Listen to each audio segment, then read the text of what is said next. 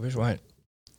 Um, vanligvis så pleier jeg å ha en ganske klar intro, Ja. Uh, men jeg, for å være helt ærlig så leste jeg meg helt bort uh, i den der Store ikke. Jo, men det er jo et bra tegn. det er jo et bra tegn, for det, det, det, det var en lang tekst, og jeg har utfordringer med å lese lange tekster. Mm. Uh, og, men her ble jeg sittende og lese den og lese den, og jeg, jeg, jeg ble følelsesmessig berørt. da. Mm, så bra. Så- det var fint. Jeg hørte det på den eh, med han Rune, han som var til Forsvaret. eh, Han motivasjons... eh, han, den episoden din med han Nei, Rune, var det det han het? Forsvaret En er som hadde vært i Forsvaret, som hadde kontakta deg gjennom et, har gitt et kompliment, og så hadde han endt opp i podkasten din. eh, oh, ja, du tenker på um, motivasjon eh, Ja, ja, Jeg husker ikke navnet hans, men eh, Nei, men da leste jeg om at Eller da fortalte du jo, hørte jeg at du sleit litt med den eh, Ja. konsentrasjonen. At bare det å ha lest såpass mye av boka var egentlig en seier for deg. Ja, det var det. Så det er jo kjempegodt å høre at du Det er jo en lang tekst, som du sier. Den Ja. store gutter gråter ikke. Så jeg har jukselapp i dag, eh, og det, Det det, må folk bare tåle. Selvfølgelig. selvfølgelig. Eh, og så satt jeg jo da og leste, for jeg, hadde, jeg laga meg et klart bilde i huet da, på Mm. hvordan jeg på en måte skal presentere folk. Mm. Og eh, jeg begynte å lage en eh, liksom jukselapp her, Ja. som nå er på fem av fire sider. Oi, såpass, Eh, ja. for at det er jo så mye hendelser her som jeg føler Vi, vi skulle hatt med alt, da. ja. Eh, men eh, overskriften er 'Store gutter gråter ikke', Mm. med Marius Ulekleiv.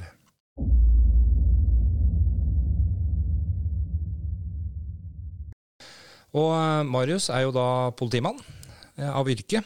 Han er vel ikke det som privatperson, men han er i hvert fall det av yrke. Mm. 36 år gammel, fant du ut. Stemmer. Jeg leste jo et innlegg på Facebook, som jeg så ofte gjør, hvor, hvor Marius dukka opp og har fått en ærespris for åpenheten sin. Og eh, der delte du eh, om bl.a. blant annet eh, bloggen eh, på Politiforum, er det det det heter? Politiforum, stemmer. ja. Mm. Så jeg begynte å lese, men det, det var veldig mye der. Og som sagt, jeg sliter litt med den teksta, så jeg begynte å lage meg noen huskelapper. Men jeg forsto jo fort da, at eh, historien din er, er følelsesmessig veldig lik min. Mm. Sjøl om du er og har vært politimann, eh, og jeg har vært kriminell eh, narkoman eh, i aktiv rus i 15 år, Mm. så ender vi opp rundt bordet som to menn eh, som begynner å bli voksne, Ja. og som har noen tanker om livet og om eh, følelser og, og hendelser. Og det første jeg la merke til, er jo at eh, du har jo vokst opp da, i, i nærheten her, Lesja, Mm. rett over Lillehammer. ja. Litt lenger nord for Lillehammer, ja. Stemmer. Og, og vi sitter jo i Brumunddal, Mm. eh, hvorpå du var en aktiv eh, ung fyr. Fotball, idrett, eh, og la lista høyt. Ja. Noe, kjente noe jeg kjenner igjen meg sjøl i, og kanskje eh, litt for høyt som der. Ja. Så det har vært litt sånn prestasjons... eh, prestasjons... eh, ja, hva skal jeg si? Prestasjonsorientert. Ja, Mm. i alt du har gjort siden barndommen, rett og slett. Ja. Og um, du traff mildt sagt veggen Mm. eh, i, uh, i uh, forbindelse med at du skulle utdanne deg videre Mm. til IP1, Riktig. beredskapstroppen. Mm. noe som ikke bare bare. Nei. Og, um, og du delte jo det om, det om dette her i bloggen din. Og jeg har egentlig litt lyst til å starte med begynnelsen. Ja. Ettersom det er så mye informasjon. At du Mm. forteller med egne ord litt om barndom, hva som gjorde at du valgte den retningen i livet og sånn. Mm. Ja, det kan jeg godt uh, gjøre. Altså um, Jeg vokste opp på, på Lesja, på en gård der oppe. Um, en gammel gård fra um, 1600-tallet. Uh, og hadde, hadde en veldig fin, eh, trygg barndom på mange måter. Uh, og samtidig um, så skjedde det Altså, når jeg var ti, så skilte mamma og pappa seg, og det er jo det er jo noe mange opplever. eh, Men og bare så det er sagt, så, så har jeg et, eh, et utrolig bra forhold til både mamma og pappa og, og ja, søsteren min, familien min, i dag. eh, Og er, de betyr enormt mye for meg. Men ting blei vanskelig etter den skilsmissen, som det ofte gjør, og, og mm, for meg så blei det mm, så blei det Jeg var mye aleine, rett og slett, eh, som, som liten gutt, da. eh, I en periode der spesielt. Og for meg så blei um, fotballen da, som hadde vært uh, superviktig, den blei egentlig altoppslukende. Uh, og den blei liksom det fristedet da, hvor jeg uh, henta både mestring og samtidig fikk utløp for, for mye av det vonde som jeg hadde, hadde inni meg, uten at jeg var klar over det da. Men det blei en sånn ventil hvor jeg tillot meg å ja, få ut, få ut ting. Um, og lærte meg ikke helt det der å sette ord på ting som liten. Um, og der blei vel det mønsteret der etablert, da. Um, som jeg dro veldig med meg inn i, i voksen, voksenlivet. At uh, det å prestere, det ga meg en god følelse, og det ga meg en følelse av at da, da var ting bra. Mm. Uh, og når det når, når jeg presterte dårlig, så var det da uh, Da var ting ikke bra. Da, var liksom, da rakna alt, føltes det ut som. da. Så jeg bygde veldig på det der prestasjons... Det ene beinet. Det prestasjonsbeinet. Alt sto og, og hang på om du lyktes eller ikke, liksom? Ja. Nådde mål? Ja. Mm. Ehm, du gikk jo over til, eh, til en annen form for idrett, gjorde du ikke det? På et tidspunkt? Eh, nei, altså, det var fotball jeg fortsatte med fram til jeg var da ja, 22, var jeg da når jeg bestemte meg for å bli politi. Mm. Um, så det er, fotballen som har vært idretten Hele hele karrieren, da, fram okay. til jeg la skoene på, på hylla og bestemte meg for å gjøre noe annet. Mm. Mm. Nei, da, det blei et sånn oppgjør med meg sjøl, egentlig, de, i den tida der hvor, eh, hvor jeg opplevde at fotballen var Den var alt for meg. Samtidig så var den som et sånn fengsel, hvor jeg følte på uh, Uten at jeg forsto det helt sjøl, så sleit jeg en del med prestasjonsangst og veldig mye sånn La veldig mye press på meg sjøl.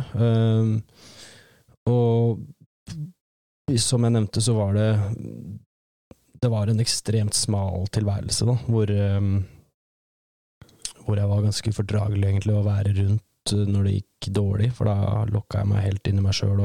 Hvis vi hadde kamp, uh, ja, vi hadde lørdagskamper som regel, da, når, jeg blei seniorspiller, så, så var liksom Da var helga ødelagt. Hvis det ikke gikk som jeg hadde håpa. Mm. Um, og det gjorde det jo sjelden, fordi det kan jo alltid, alltid bli bedre, så klart. Uh, men spesielt hvis jeg hadde tapt, og hvis jeg hadde ja, ikke hatt en prestasjon som var bra, så var det forferdelig slitsomt å være rundt meg, og forferdelig slitsomt for meg sjøl òg. Um, og den, uh, den tilværelsen der, den, den den var ikke noe bra, rett og slett. Og så fikk jeg en ganske alvorlig skade i april um, 20, 2009, var det kanskje? 2008. Og da fikk jeg jo kjenne litt på det livet uten fotballen, um, for da, da er det jo et langt rehabiliteringsopphold. Um, og det ga meg litt sånn andre perspektiver og litt andre tanker, og sjøl om jeg hadde trent meg opp igjen og, og var tilbake og skrev under ny kontrakt, så kjente jeg at det her eh, det her er ikke riktig for meg å fortsette med, og jeg ville gjøre noe helt annet. Og så ring, husker jeg ringte treneren min i, i Strømmen, og på vei hjem fra Lesja eh, etter å ha vært på juleferie, og sa bare at nå jeg er ferdig. Mm. Og han fikk jo sjokk, eh, og det fikk jo egentlig alle. For det, det var en veldig sånn brå avgjørelse, da, som ingen hadde sett komme. Og, men det føltes så riktig, og, og derfra så, så var på en måte den avgjørelsen veldig, føltes veldig bra, da. Angra aldri på det. Eh, og så blei det jo da politi, Politihøgskolen som, eh, som jeg da søkte på utpå vinteren der, noen måneder etterpå. Og da var altså motivet mitt da var å si, Man har vel alltid flere motiver, men, men da var det en sånn oppriktig følelse av at jeg ville gjøre noe, gjøre noe meningsfylt. da. Jeg hadde jo jobba litt i barnevernet, jobba litt som støttekontakt, jobba litt på, på skoler eh, tidligere mens jeg spilte fotball, og hadde jo kjent på at det var noe som var som var veldig fint, da. Det å kunne bidra og, og inn i liv, i folks liv. Um, så da gikk jeg inn, eller søkte politiet da med, med et motiv om å virkelig gjøre noe bra, uh, og tenkte egentlig forebyggende arbeid. og så gikk det ikke sånn veldig lang tid, egentlig, før, før det fokuset var endra. Og jeg skjønte at for meg så var det det å ja, jobbe operativt, og da komme inn i beredskapstroppen, da, som blei ble det viktige. Sakte, men sikkert. For å få litt action, eller rett og slett? Eller var det bare at du Det var, igjen så var det jo, altså Det her var jo en prosess um, Jeg husker jo jeg begynte jo å jobbe, um, altså jobbe patrulje, jobbe ute. Var med på øvelser, treninger. Um, litt sånn opptak i mindre skala til, til um, ja, funksjoner som gjør at du får mer trening på det operative. Da. Og opplevde enorm mestring på, på de områdene. Men først og fremst, så, så, eller først og fremst, vanskelig å liksom vekte hva, hvor mye som var hva av hva, men, men der òg var det jo en sånn enorm uh, drive Altså det å kunne utgjøre en forskjell i, i livstruende situasjoner, da. Det å ja, løse oppdrag som er uh, skarpe, som er farlige, hvor du hvor det ytterste konsekvens redder liv. Um, det å kjenne at man mestra det, det var jo det var en ekstremt god følelse, da. Men som du sier, den action-biten av det, og den Jeg tror det er noe biologi inne i bildet her òg, som det ofte er. Altså, det å Ja, det å være mann, og det å kjenne på det på den spenninga som, som er rundt de tingene. Eh, og når du da mestrer det, så er det en sånn enormt sterk eh, følelse av eh, Ja, den, den, var litt sånn gjenkjennelig fra fotballbanen, egentlig. da. Den der, det, ja, ja. Følelsen av å mestre noe som, som er helt på grensa. Og jeg kjenner meg igjen i mye av det du sier der òg med, med, det med mestring. For med mestring så kommer det jo ofte anerkjennelse òg, mm. som gjør at vi føler at det vi gjør, har en verdi. Mm. Um, og um, Sjøl om jeg òg kom fra et ryddig hjem, møblert hjem, nå er jo foreldrene mine fortsatt gift, ja. men det er jo ikke det samme som å si at vi ikke hadde utfordringer. Uh, Nei, for det. Uh, de gjorde sitt beste, de. Absolutt. Og, og all ros til dem for at de har stått der hele veien for meg. Mm. Men uh, det er jo ting i barndommen som, som, som har gløpp i. mm. Uh, og det tror jeg det gjør i de fleste hjem. Uh, uten at, det, at, du kan på en måte velge å legge noe skyld på noen for det. Det er bare tilfeldige hendelser, mm. uvitende, og ja, mye ting du ikke styrer over. Mm. Så jeg tror at når du kommer fra et hjem da, hvor du kanskje føler at du Eller fra du har opplevd skilsmisse, da, noe som igjen er jo sikkert veldig, veldig utfordrende for, for ungdom eller unger så, så, tror jeg du prøver å søke litt den der eh, følelsen av å bli sett andre steder. Mm. Uh, og selv om Jeg vokste opp med mora mi, så jeg ble jo en mammadalt på mange måter. Mm. Og søkte da ut for å bevise hvor tøff jeg egentlig var. For jeg var jo litt uh, forsiktig, da, kan du si. Ja. Jeg var ikke den som tok med størst risiko. Jeg safa det ofte. Mm. Og så kom jeg ut, og så ble jeg mobba litt for det. da, At jeg var den som ikke tøv var blant gutta, liksom. Mm. Så, så, jeg overkompenserte med å gjøre de drøyeste tinga for å prøve å passe inn. da. Mm. Så jeg kan kjenne meg igjen i mye av den reisa du har, på det med, med det også, å føle at en mestrer noe. Det, det, trenger ikke nødvendigvis å være en bra ting, til og med. Det kan bare være drøye ting, og føle mestringsfølelse som gir deg samme, samme opplevelsen, på en måte. Ja. Så Veldig interessant å høre det du sier der, og det, det må jeg også Altså, det å kjenne Jeg kjenner meg veldig igjen i det der. Jeg jo hadde jo Jeg har alltid hatt en veldig sånn sårbar side, en sårbar del av meg, som har vært øh, jeg husker da jeg var liten, så var jeg veldig engstelig og var, øh, var mye redd, og, uten at jeg klarte å liksom øh, sette ord på de følelsene. Da. Så min, min, løsning på det var jo akkurat sånn som du sier, at jeg kompenserte meg, lærte å kompensere for å liksom dekke til den sårbarheten, da, som jeg syntes var veldig skamfull. Mm. så jeg tror ofte det er mye av det her som går igjen, da, på ja. sånne ting som etter hvert går litt i, i grøfta, på ulike måter. Ja, for Når jeg leste om deg, så kjente jeg meg at så, liksom hele reisa, mm. til og med et årstall du prata på, er faktisk litt sånn parallelt med hvor det har skjedd endringer i mitt liv. faktisk. Det det? 2009, da var jeg uttatt fra min første åttemånedersdom etter fire uker, nei, fire må, nei, tre måneder med brev, besøk, brev og besøksforbud mm. i Oslo fengsel. Eh, etter oppbevaring av narkotika, kjøring i beruset tilstand. Jeg eh, hadde stjålet gravemaskin eh, i rusa tilstand. Litt sånne ting. Mm. Um, og det er jo ikke meg i det hele tatt. Nei. Det er jo ikke meg i det hele Så jeg kan ikke kjenne meg igjen i nykter tilstand, liksom. Nei, ikke sant. Uh, og så, Det var i 2009. Da kom jeg ut igjen, begynte å jobbe. Var nykter i to år. Uh, fikk ingen oppfølging eller hjelp. Uh, Mm. Skulle klare alt sjøl. Og det var i 2009 du sier at endringen din starta. Ja. Eh, Og, og ja, hva skjedde videre fra 2009? Eh, Eh, Da, da begynte jeg på Politihøgskolen, og uh, trivdes uh, veldig godt der. Uh, men som nevnt da, så blei det sakte, men sikkert eh, så blei jeg sakte, men sikkert dratt inn i det gamle mønsteret mitt, da, hvor, eh, hvor det fokuset om å skulle jobbe forebyggende blei switcha over til et fokus om å jobbe operativt. Og jo, jo lengre jeg på en måte kom inn i den eh, stimen, og jo flere opplevelser jeg hadde som, som ga meg mestring og motivasjon, jo mer bestemt ble jeg på at, eh, at jeg skulle ikke bare fortsette den stigen eh, i distriktet. Jeg ville inn i beredskapstroppen, da, som er, det er jo spydspissen i politiet. og det er nasjonalt, eller? Ja. ja. Kan du forklare litt om hvor nivået ligger i forhold til den vanlige veien i politiet, på en måte, eh, når du skal over i beredskap?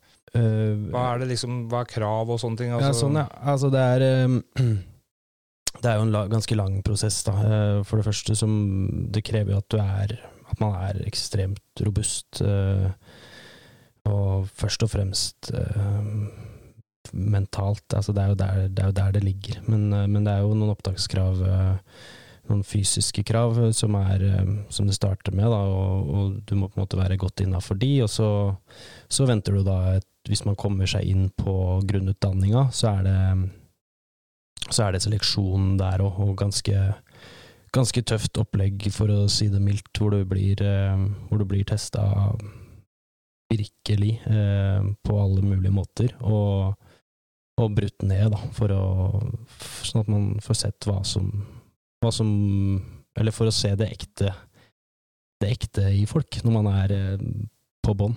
Hvordan oppfører man seg da i team? Hvordan oppfører man seg um, Ja. Så, så det, er, eh, det er en ganske ekstrem eh, prosess, og jeg har eh, enorm Jeg syns det er litt sånn ubehagelig å, å snakke om akkurat den utdanninga, for jeg har jo ikke, jeg har ikke vært der sjøl. Okay, ok, sånn, ja. Så jeg, jeg har liksom såpass stor respekt for de gutta Ja. som har, jobber der, og, og de som har vært på opptak, og de som har uh, søkt, til at jeg, at jeg skal late som jeg veit noe mer om det enn enn det jeg sier, eh, sier der sånn. Det er en ærlig sak, det. Eh, Jeg spør jo for at jeg er nysgjerrig som vanlig, så det er, Jo, lov, det er det, er lov, å, det, er lov, å, det er lov å si fra. Eh, Litt av poenget jeg skal ha fram, er vel at det er litt som å bli med i Speideren. Nei, du, det- det, du det blir, som du sier, brytt ned, du blir testa både fysisk sikkert og, og trakassert ned til at du bryter rett og slett sammen for at du skal oppleve hvordan det er. Så du skal kjenne igjen følelsene dine, kanskje, hvis det skjer. Ja, er eh, Man blir altså Akkurat, akkurat hvordan, hvordan det foregår, det, det skal jeg ikke si for mye om, i og med at jeg ikke har vært der. Men, eh, men det krever i hvert fall en eh, enorm robusthet, da, både fysisk og mentalt, for å, for å komme gjennom det og for å kunne jobbe der. Ja. Mm. Men du sier du ikke har vært der. Hva skjedde? Hva var det som skjedde langs veien der som gjorde at du ikke gikk den veien? Du, det skjedde Det er jo en lang historie, men jeg hadde jo flere ganske alvorlige skadeavbrudd fra Ja, det første kom i 2015, var det vel. Da fikk jeg en uh, skikkelig alvorlig uh, hjernerystelse. Og da hadde jeg allerede hatt en del hjernerystelser tidligere i karrieren. Men det var faktisk, det var faktisk på Briskeby, uh, rett, rett der borte. Hamar? Ja. Ok. Um, og da um, Da ble jeg kjørt til Ahus og var der til observasjon, og så var det ikke noe Det var ikke noe hjerneblødning, men det var en, en kraftig hjernerystelse, da. Og så var jeg ikke flink nok til å ta det med ro lenge nok ehm, i uken etterpå, så det gjorde at jeg sleit med den hjernerystelsen lenge, eh, og var sjukmeldt eh, i lang, lang tid, og kunne ikke trene på ja, sånn ca. trekvart år. Oi. Så jeg hadde, store, hadde veldig store hodesmerter og nakkesmerter. Da. Um, og så kom jeg tilbake um, etter det, og var uh, egentlig tilbake i mitt livs uh, form etter hvert. Um, og da var, da var um, det, motivasjonen bare vokste enda mer, da, etter å ha kjent på hvor uh, ja, hvor dårlig det var å, å ha en kropp som ikke fungerer, være så utslitt og ha så mye vondt. Og det, den der takknemligheten over å da ha en kropp som funka, den brukte jeg som drivstoff. Og ja, gønna bare på videre, og enda mer innbitt enn eh, noen gang. Eh, og så kom det mm, en ny smell eh, mot hode og nakke i 2017, eh, som tok, ja, tok lang tid. Tok vel et halvt års tid før jeg kunne trene igjen da.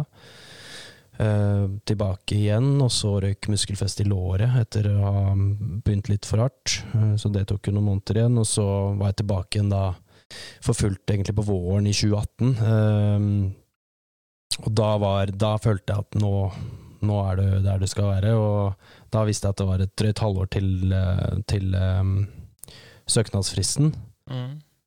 Og da var det litt sånn ultimatum at nå er det Da var jeg 32, og det er liksom Det er nå eller aldri. Eh, og da la jeg alltid, alltid potten og, og trena veldig hardt. Men da begynte jeg å kjenne på um, at ting ikke var helt bra. Um, jeg hadde Uten at jeg klarte Og den uroen som jeg kjente på, den har jo vært egentlig en del av meg hele livet. Uh, men, men da begynte den uroen å vokse. Uh, og det er jo litt sånn forskjellige forklaringer på, på hvorfor det blei sånn, men, men, eh, men, noe av grunnen er nok at jeg Eller åpenbart at jeg begynte for tidlig igjen da, med veldig høy belastning på treninga, som gjorde at jeg ikke fikk henta meg inn. Og eh, ja, med det da som tobarnsfar og, Mm. og alt som skjer ellers i livet, da. Og, så er det Det er ja, ganske ekstrem eh, periode i livet med høy belastning, hvor du legger den treninga og den Ja, det blir jo litt som et slags uh, toppidrettsliv, egentlig, da, Mm. hvor man uh, hvor man uh, trener ekstremt mye, og så får du ikke nok tid til å hente deg inn. Um, og så var jeg veldig avstengt følelsesmessig, veldig lite kontakt med meg sjøl, mindre og mindre, egentlig. Og jo verre den uroen som jeg ikke skjønte hva var, jo verre den blei, jo mer rømte jeg fra det. Eh, Min rus var jo da treninga og, og, og jakt, og pushe meg òg, med det målet om eh, beredskapstroppen i andre enden. Så det har jo alltid vært mestringsstrategien min, men, men her så blei det etter hvert, ja, som jeg har sagt før, det blei som en sånn kvikksandeffekt, da, hvor du bare du kjemper mer og mer, og synker egentlig dypere og dypere, og tømmer tanken sakte, men sikkert, uten at jeg klarte å skjønne det sjøl. Ja, for det var eh, det du sier der med, med Og det var jo det vi prøvde å si innledningsvis her òg. At eh, du, når jeg leste om deg, så er, har du jo pusha, pusha, pusha. Mm. Eh, og det er nesten sånn at uh, jeg hører det runge at motstand gjør meg sterkere, motstand gjør meg sterkere. Mm. Så dette her er en læreprosess. Dette her skal jeg oppleve for å bli sterkere. Ja. Og så ga deg aldri tida til å lande imellom slaga, virka det som. I tillegg til en rekke både uheldige hendelser da, og Mm. skader som ble pådratt for at du kanskje ikke tok det nok med ro. Mm. Eh, og igjen kjenner meg veldig igjen i. Mm. Uh, dette der, det er det jeg har gjort hele livet òg. Ja. Så, uh, så jeg kan kjenne igjen de følelsene du har der. Og, men i forhold til det med Jeg har et par spørsmål i forhold til det med eh, Du sa du, du merka Selv om du egentlig visste at det var noe som liksom ulma litt i bakgrunnen her, så, Mm. så skjønte du ikke helt hva det var, sa du. Mm, og er det ingenting Nå, nå er jeg liksom, som sagt ukjent med åssen politiet trener dere, men, eh, men det, har det ikke vært, eller er det ikke noe eh, form for mental trening eller eh, oppfølging for dere som går den løypa der, på en måte? Eller, eh, som er litt sånn obligatorisk, da, for, at, eh, for å holde litt kontroll på de tinga? Ja. Altså det er, det er jo knytta opp til I mitt miljø, da, hvor jeg har vært, så har det jo Hvis du har vært på oppdrag eller vært på, på hendelser som har vært uh, Som er ekstra belastende, eller sterke inntrykk, så, så har man jo rutiner gjennom eh, KSO, altså kollegastøtteordningen, da, hvor man skal prate om det som har vært, og, og hvor, det blir, hvor det er en arena for, og mulighet for å, for å sette ord på ting, da, eh, og få liksom ja, lufta det som har vært. Og så er det selvfølgelig også mulighet for, eh, for ytterligere oppfølging eh, ved, ved behov. Um, men um, Men dette er jo igjen Det- da etter ting har skjedd. Ja. Nå tenker jeg på i prosessen med politihøgskole og sånne ting, eller når du begynner å jobbe som politi. Mm. Eh, For du prata jo at du begynte i, på at du begynte i politiet for du ville jobbe forebyggende. Mm. Mens for å jobbe i politiet, tenker jeg, så må du nesten forebygge deg sjøl litt òg, for å, Ja. Å gjøre deg klar. Og, og i helsevesenet har jeg skjønt, etter at jeg har gått reisa mi, Mm. så er det veldig mangelfull oppfølging blant både helsevesenet, personell og, og dialogkontakten mellom eh, utøvende instans og, og, og brukeren. da. Mm.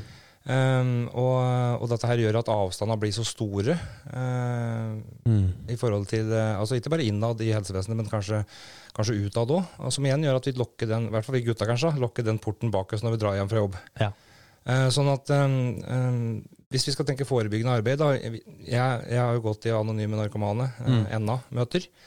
Og gjør det fortsatt innimellom, for å minne meg sjøl på hvor jeg har vært, og, og teste meg sjøl litt hvor jeg står mentalt. Mm. Um, er det ingen altså Jeg bare syns det er litt overraskende at uh, er det ingen på en måte Hvis du har jobba i politiet et år, liksom, er det ingen prat med der dere møtes prater på følelser, eller er det, er det eit, ingen sånn oppfølging?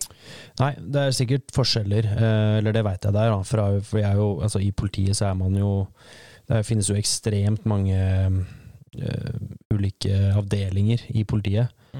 Som jobber med forskjellige ting. Eh, men i mitt miljø, i det operative hvor, eh, som jeg har vært, så, så har det ikke vært noen rutiner for det på den måten. Eh, nå jobber jeg nå på instruktøravsnittet, så akkurat hvordan det er på patrulje rundt om i dag, det, det kan jeg ikke svare på, men, men jeg tror ikke det er dumt å, å ja, være litt nysgjerrig på det der, da, og stille noen spørsmål rundt det, som, som det nå har blitt eh, Altså, de siste årene så har det jo blitt mer mer um, aktuelt, da, med psykisk helse. Og, og så har det jo blitt litt sånn ekstra fokus på det nå etter den artikkelen i høst. Så, så ting skjer. Um, men for min del, for å snakke om meg og min historie, så, så hadde jeg jo en sjef som, som har vært fantastisk hele veien, og kollegaer som er utrolig fine. Men, men for meg å skulle begynne å liksom åpne opp om de tingene Og jeg skjønte jo ikke sjøl heller, som sagt. Jeg tenkte jo at det her fikser du, øh, og det her ta, ta deg sammen, skjerp deg. Så det å skulle vise sårbarhet på noen særlig måte, det var det var helt uaktuelt, da. Eh, Du tror ikke du hadde åpna deg hvis du hadde liksom blitt kalt inn til et sånt månedlig møte hvor vi faktisk skal dele noen utfordringer følelsesmessig? Du hadde ikke klart å plukke fram de tinga, tror du?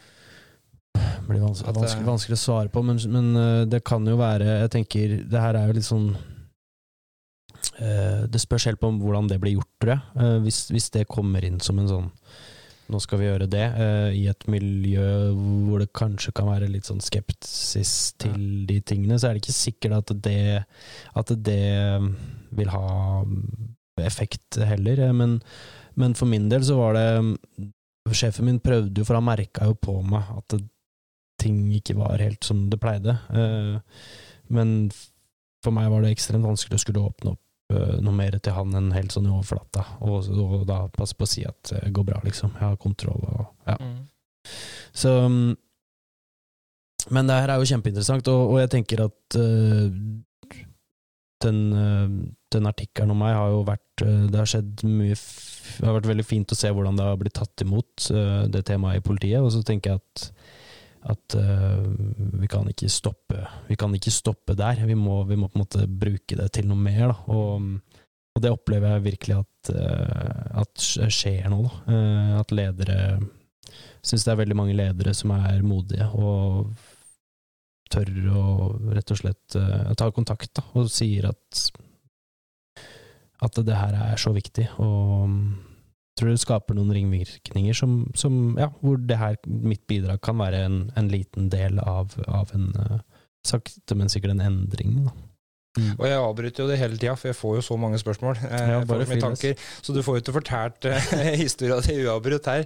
Men, eh, men eh, vi, har jo ikke, vi har jo ikke kommet til den biten enda, men jeg vil bare gjerne at folk skal forstå da, hvor du kommer fra, og virkelig liksom at vi skjønner systemet litt. Ja. Eh, og, og virkelig liksom forstår hva hele gangen din har vært i det. Mm. Eh, og der kan de jo òg lese på den, eh, på den store guttegråtrikken, men jeg, jeg syns det er så godt å høre det fra deg og, ja, når, vi, når vi først prater på det. Mm. Eh, og grunnen til at jeg spurte, er jo for at i 2019 så det, var det jo 583 eh, polititjenestemenn og -kvinner som Mm. var sjukmeldt pga. psykiske utfordringer. Ja. Det var derfor jeg spurte, og det skal vi komme tilbake til litt senere. Mm. Men eh, videre eh, i historia di eh, Ja. Nå skal du få lov til å forklare ferdig uten at jeg avbryter. Det, det går bare, bare spør når du, når du vil. Det Ja. går helt fint. Takk for det.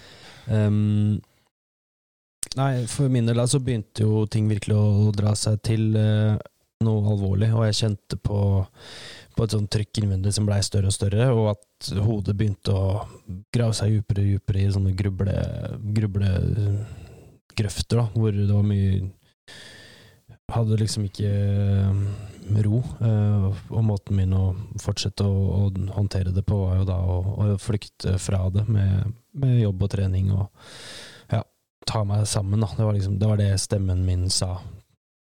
At skjerp deg. Um, Dette må du tåle. det Liksom. her må du tåle. Og, og det var sånn, fikk veldig mange spørsmål fra meg sjøl. Er, du- er du svak?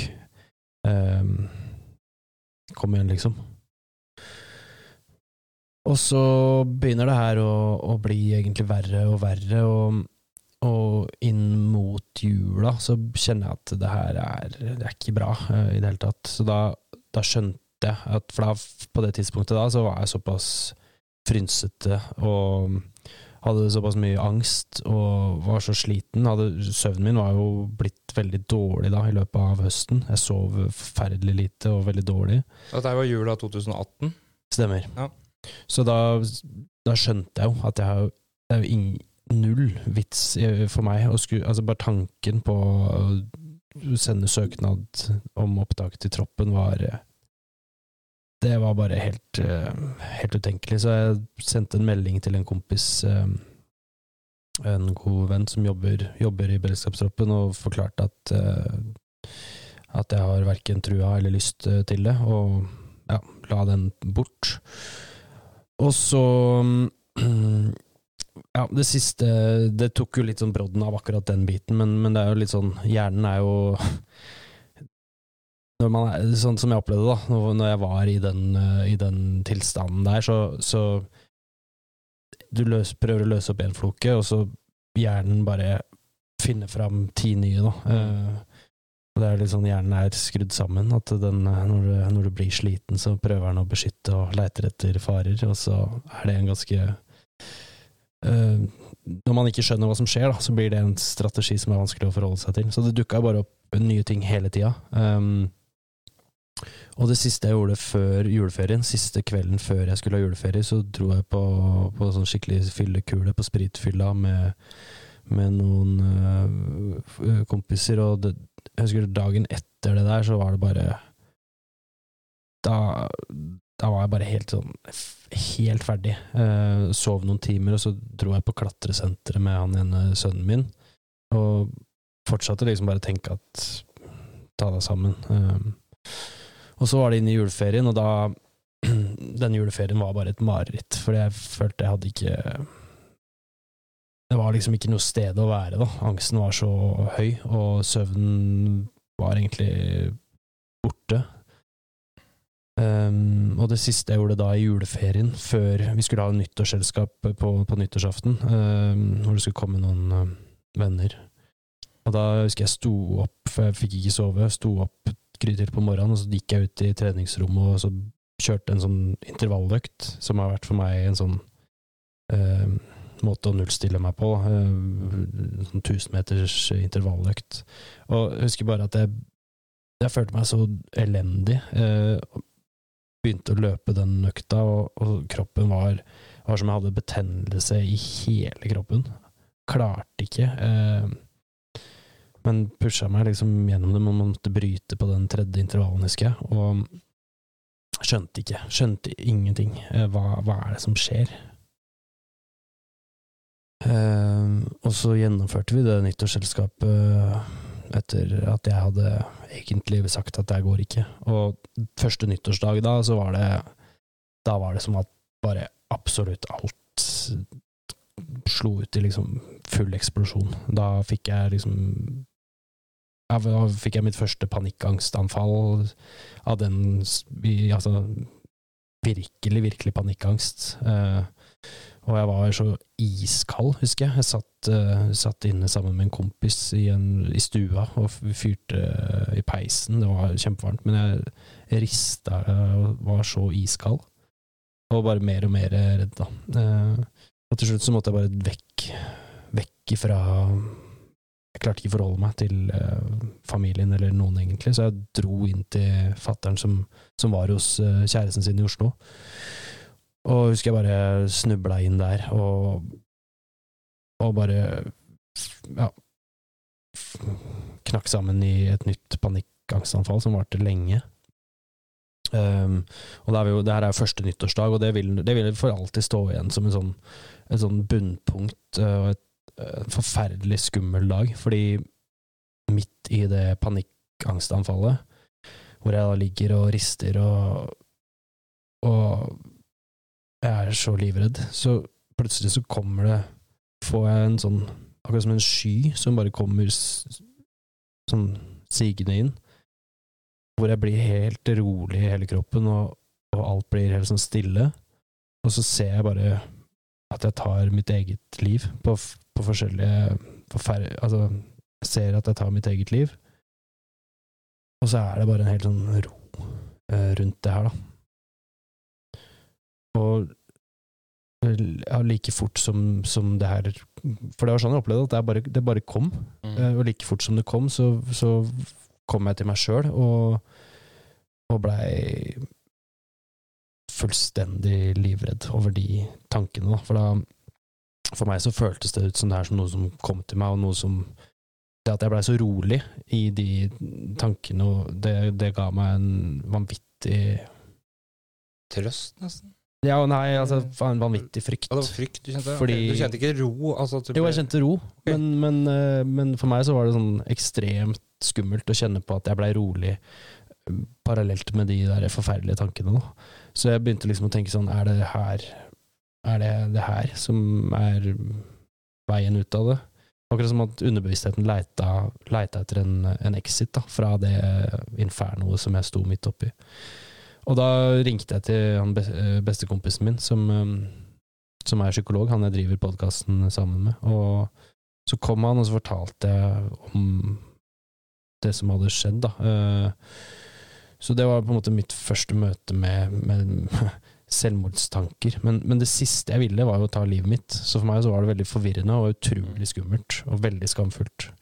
Um, men jeg husker òg veldig sterkt at jeg skjønte at ok, det her Eller jeg skjønte jo fortsatt ikke hvorfor de tankene kom, og, men jeg husker at jeg tenkte at det der er noe som jeg aldri, aldri skal gjøre. Uh, og jeg tenker at jeg var heldig som beholdt rasjonaliteten um, oppi det, og klarte å tenke sånn at det der er det verste Det er det verste du kan gjøre mot de rundt deg. Um, og fra, fra det øyeblikket så blei det en sånn pakt med meg sjøl, at den løsninga der, den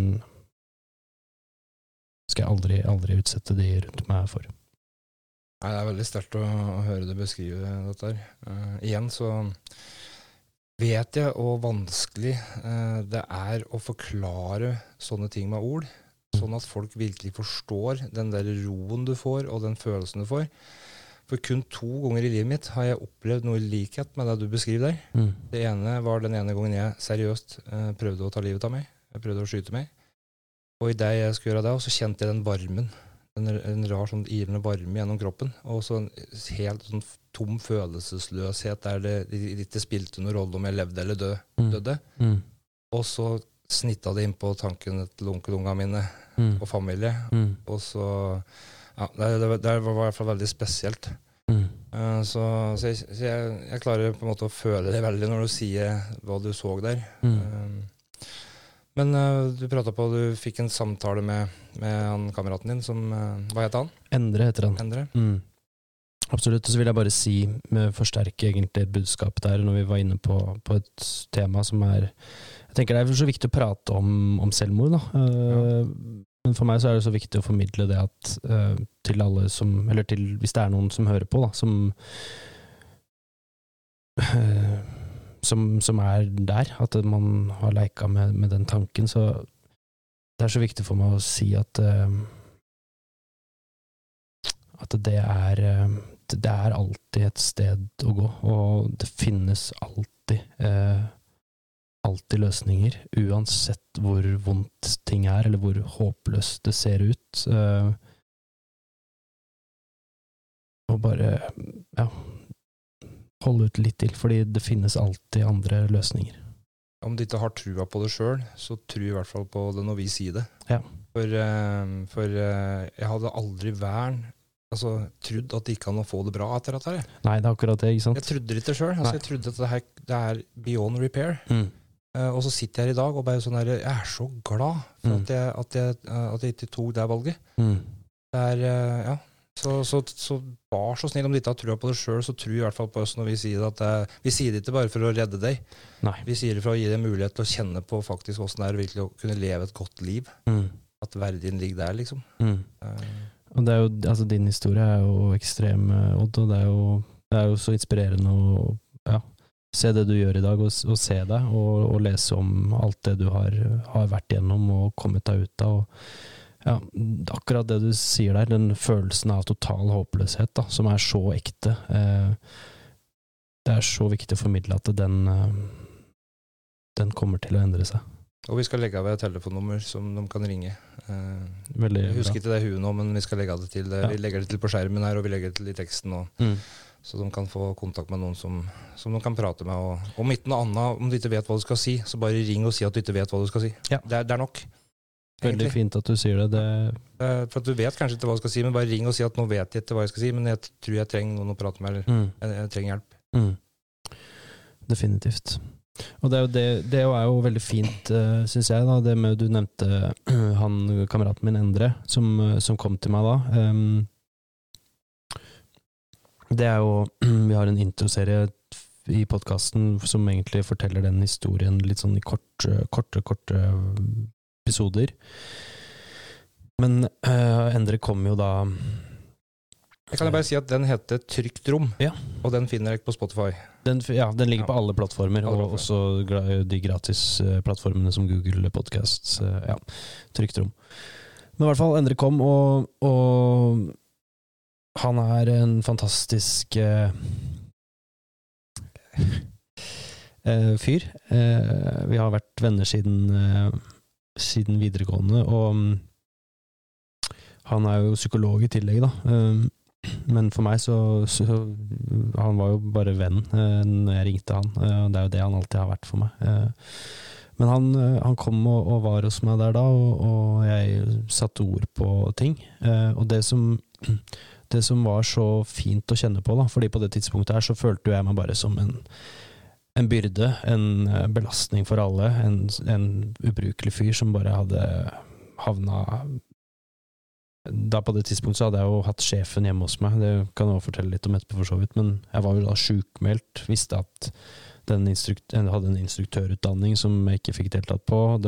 Søknads, eller Beredskapstroppen var skrinlagt. Kroppen alt, Det føltes som at alt bare rakna fullstendig. da, At jeg var i fritt uh, fall. Um, men Endre kom der, og, og jeg hadde jo grua meg veldig for å skulle liksom prate med noen andre enn en mamma og pappa og, og sånt om det. Og, og Endre han, Det han gjorde, var at han bare Han var der og, og holdt rundt meg og, og lytta og møtte meg på alt jeg sa. Han tålte å være i det uten å skulle gå inn og løse ting, uten å si at 'ja, men du er jo så bra fyr'. Altså, han tålte å være med meg da, i det mørkeste av det mørke, og det var så Det var så enormt uh, godt. Uh, jeg husker han bare holdt rundt meg og, og sa, sa jo sånne ting som at, at jeg er så glad i deg, Marius, og, og det er sånn eh, Jeg blir jo veldig Jeg kjenner jeg blir litt sånn eh, ja, Ja. rørt av hele ja. Jeg blir det sjøl, for det der um, Ja. Og det er som jeg har sagt til han, at han, han kommer nok aldri til å skjønne Skjønne hvor viktig han var for meg den, den dagen. da. Um, Da har jeg hørt den podkasten, og jeg har hørt hva som har blitt sagt der, og jeg tror faktisk han har en viss aning. Eh, Jo, på måten du har delt eh, om der, Mm. og det du har fortalt om han, eh, så tror jeg han, tror jeg har en viss sanning. Men det du sier der, Mm. med at han ikke var psykolog, Mm. at han bare var venn, Mm. og bare var til stede, det sier litt om hvor stor kraft vi som står rundt, kan ha bare med å være der. Mm. Vi trenger ikke å løse problemet. Vi no. trenger bare å være der og, og, og la, ja, la ting skje, da. Mm. Sammen med noen andre, som gjør det litt tryggere. Definitivt. Og så tror jeg kanskje òg det er ganske Altså at det er viktig å ikke nettopp skulle drive og løse ting. For det kan være litt sånn fristende å gjøre når, når folk, har det vondt. da. At Jeg er en skal- av dem sjøl. Jo, og det er jo veldig godt ment. Den ja, Men jeg- kanskje er det aller viktigste rett og slett bare å, å tåle å være, være der, da, sammen med vedkommende. Og, og tåle å høre på det, og, øhm, uten å skulle løse det. Så kan man heller se på, se på løsninger etter hvert. Ja, for han gikk tur med det, han. Mm. Eh, Han valgte å ta det ut av bobla, kanskje, Ja. fysisk. Jeg husker veldig godt at vi, han fikk meg med på et parti med sjakk. Når jeg var sånn, da var jeg, For jeg pendla litt sånn inn og ut av Av uh, litt sånn forskjellige tilstander mellom sorg og sinne og tristhet og frykt. Så husker jeg vi spilte sjakk, um, og da var jeg litt sånn redd egentlig for at jeg skulle bli innlagt. Uh, så da var jeg sånn på grensa, litt sånn småparanoid egentlig. Eh, og var veldig redd for at jeg skulle bli innlagt. Og så husker jeg han prøvde eller, Og det var jo sånn vrangforestillinger, egentlig, fra meg, da, fordi jeg var så sliten uh, som jeg var. Uh, men så spilte vi sjakk, og jeg husker at jeg blei ganske sånn passiv-aggressiv under det partiet med sjakk. Det er- det er kanskje mange som blir. Ja, kanskje. og så så Endre merka det på meg at eh, nå Han så på blikket mitt liksom at nå er det mye trykk innvendig. Så husker jeg at han bare sa at nå, nå går vi ut en tur. Nå, nå skal vi bare ut og gå. Uh, og da gjorde vi det, da. Uh, og så husker jeg at vi fikk et sånn nok et sånn derre øyeblikk som, eh, hvor det burde vært kamera til stede, og, og filmmusikk, hvor vi bare sto ute i skogen der og ja, gråt og holdt rundt hverandre, og hvor jeg liksom kjente på den derre En sånn lite Lite drypp, da, av en sånn veldig god følelse oppi alt. Um, så ja, det er ganske sterk, den kraften som ligger i å, å ha et med... Eller den er ikke ganske sterk, den er ekstremt sterk og viktig. Den, eh, det der å være sammen med noen som du er trygg på. Og ikke minst ha kanskje òg en mannlig venn som faktisk Altså, jeg, jeg tenker jo på hva hadde jeg gjort hvis jeg var i dine sko? Mm. Og jeg har jo veldig lett for å ty meg til damer, da. Mm. Eh, For at det er mye enklere å prate med. De skjønner mer, de forstår mer, de er mer åpne, føler jeg. Eh, Sånn at eh, effekten kanskje av å ha en mannlig venn i tillegg, som, som du bare kunne bære deg mot, eller Mm. Med, da, Mm. tror jeg kanskje gjør at uh, opplevelsen blir veldig forsterka, kanskje. Altså, Ja. Der står det en som er mann i tillegg, og som lar deg på en måte bare åpne deg Mm. på dine premisser, Mm. uten å prøve å løse det. Bare la det være, bare la det komme, og bare, og bare stå der, da. Ja. Uh, ja, nei uh, Absolutt. Og så er det jo på den andre Altså på den andre siden igjen. Altså jeg har jo en mor som, som eh, har vært eh, helt ekstremt viktig for meg i, i den prosessen. Og, og etter hvert eh, utover i januar der, så, så blei jo mamma den som kom Og januar var jo virkelig et bekmørkt kapittel. Altså sånn Januar 2019. Ja. Um, sier liksom at første nyttårsdag var et sånn bunnpunkt, bunnpunkt men, men, men det er fortsatt jo bare i fritt fall egentlig videre, fordi jeg fortsatt ikke tok noe medisin. Jeg fikk, altså, ville ikke ta imot ordentlig hjelp, da. Uh, så hadde vi noen mislykka forsøk hos psykolog som, som bare gjorde meg enda mer overbevist om at det her er det er, det er ødelagt, og jeg må bare holde meg i live, fordi det er ikke noe annet alternativ. Uh, men mamma var altså, hun var så viktig, og, og det er hun fortsatt. Uh, så bare Du nevnte det med å ha en mann, men, men jeg, der har jeg virkelig fått kjenne på at ja uh, Det viktigste er en, en person da, uh, som er der. Og måten hun bare kasta alt hun hadde i hendene til enhver tid, og, og var hos meg når jeg trengte det, det var sånn eh, Det er vanskelig å snakke om det òg, kjenner jeg, for det, det har betydd alt, egentlig. Eh, Jeg har jo samme forhold til mora mi sjøl, Mm. så, så jeg kan kjenne meg igjen i det. Mm, Eh, Men igjen så tenker jeg òg at i min eller i hva jeg tenker for meg, mm, så har mora mi vært eh, Hun har vært mor, mm, hun har vært tante, hun har vært bestemor. Hun har vært, eh, og dette er kun for meg, altså. Psykiatrisk syke- sykepleier. Hun har vært sykepleier. Hun har vært behandler. Altså I alle de ledda jeg har hatt med rusavhengighet, traumer, innleggelse på psykiatrisk og alt dette her, så er det Mm. hun som har stått i det. mm, Eh, som igjen òg gjør at når hun ikke klarer å hjelpe meg, så blir jo hun veldig frustrert òg. Hun, eh, hun følte at hun prøvde og prøvde, og prøvde, men pga. rusen så, så kom hun jo ikke gjennom, liksom. Nei. Eh, og ble til slutt utnytta for godheten sin. Mm, Så når jeg møtte, møtte Jeg skal ikke si navnet hans, men- for jeg har ikke spurt om lov til, men jeg møtte en i rusbehandlinga som hadde vært eh, tidligere rusavhengig sjøl, Så ble det en slags det er, det er feil å bruke ordet farsskikkelse, men det ble en mannlig karakter i livet mitt som jeg kunne fortelle om mine følelser fra barndommen som jeg mangla kanskje fra faren min. da mm, som kunne sette litt ting i perspektiv og på plass for meg, som jeg stolte på, som Mm. ga min relasjon. relasjon. Men uh, igjen, uten mor, ingen framgang kanskje andre plasser, eller omvendt. Sånn at uh, Ja, det er jo, jeg tenker Og eh, veldig individuelt, sikkert. Det er det helt sikkert, og jeg tenker jo at uh, fordi det er jo Det finnes jo folk som, som ikke har en mor. Jeg tenker Mm. det er jo alltid Alltid Alltid håp, og alltid Det betyr ikke at eh, At man ikke klarer seg uten, men Men, men uh, ja. For meg i hvert fall mamma har vært ekstremt viktig, og det, det har pappa òg, altså, men han bor litt lenger unna, så det har vært um, mamma som har vært, uh, har vært nærmest, da. Mm. Så, mm, så tenker jeg også på, vi prat, Du nevnte det i stad, det med telefon igjen. Hvis det er folk som hører på, som, som ikke opplever å ha de eh, relasjonene, eller ha den der ene som man tenker at man tør å ringe, da. Sjøl om jeg er helt overbevist om at alle har en eller annen som, som Sånn som Endre har forklart i podkasten. Han så på det her som bare en sånn enorm gave Mm. å få være der for meg, da. Det tror jeg er litt viktig øh, for folk å tenke over, og at det, er sånn det oppleves. Det å få den telefonen, at det, nå, nå trenger jeg det. Kan du, kan du komme øh, og bare være med meg, fordi jeg har det helt jævlig.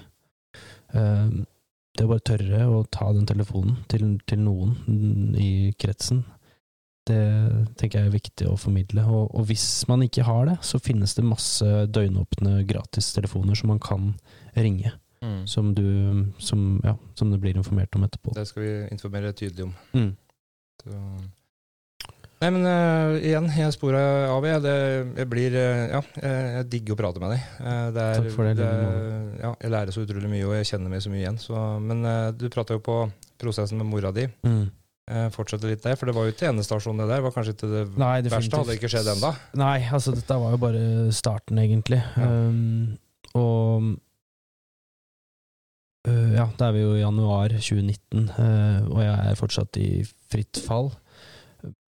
Sover omtrent ikke. Altså, jeg har, har sånn øh, perioder hvor jeg kan oppleve at jeg dupper av og våkner igjen med, med skikkelig hardhjerte og kule øyne. så jeg sover liksom sånn øh, Ja, i hvert fall ekstremt lite, da. Og blir egentlig dårligere og dårligere, både fysisk og, og, og mentalt, som et resultat av den slitenheten. Og som sagt, vi har prøvd noen psykologer som enten da ikke har kapasitet eller Eller ja, i den, i den siste psykologtimen så, så reiste jeg meg bare opp midt i timen. For da var jeg så destruktiv og så utslitt og opplevde at det det var ikke hans skyld, det altså, men det sier mer om hvilket sted jeg var på. Så jeg bare reiste meg opp i den timen og bare, bare gikk, rett og slett. Um, og ja, på den, på den tida her da, så har jo jeg ett bein i den gamle meg. Altså jeg er jo ikke åpen om hva som skjer, og jeg skjønner, har jo ikke forståelse for min egen situasjon. Um, så jeg går liksom og prøver å holde maska uh, på et vis uh, for, uh, for en del folk rundt, men de på jobben veit jo at eh, sånn som jeg har skrevet til dem, at det har vært for mye for lenge, og at jeg trenger en pause. Da. De skjønner at det er noe mentalt og ikke noe fysisk. Du har Ja, jeg, så langt der. jeg ordlegger meg vel Nei, jeg forklarer det vel mest med at jeg er utslitt. Eh, så jeg syns det er veldig ubehagelig å skulle gå inn på at det er eh, at det, Og da skjønner jeg jo ikke heller hvordan kropp og hode henger sammen. Ikke sant? Så, så det å oppleve for meg at jeg har gått på en psykisk smell, eh, det syns jeg er veldig ubehagelig å, å, snakke om. Så jeg forklarer det mer med at jeg er, eh, at jeg er bare utslitt. Ja. Men de skjønner jo De skjønner jo helt sikkert mer. Um, men i hvert fall så, så, så går det her eh, egentlig sin skeive gang, og, og så er det en natt i starten av februar hvor jeg da våkner, bråvåkner, uh, av at jeg har et sånn mareritt med hvor de selvmordstankene er tilbake, og jeg bråvåkner og igjen tenker, begynner å tenke, er det, hva er det liksom er det noen som prøver å fortelle meg noe? Begynner igjen å tenke er det det her som, som er utveien? Um,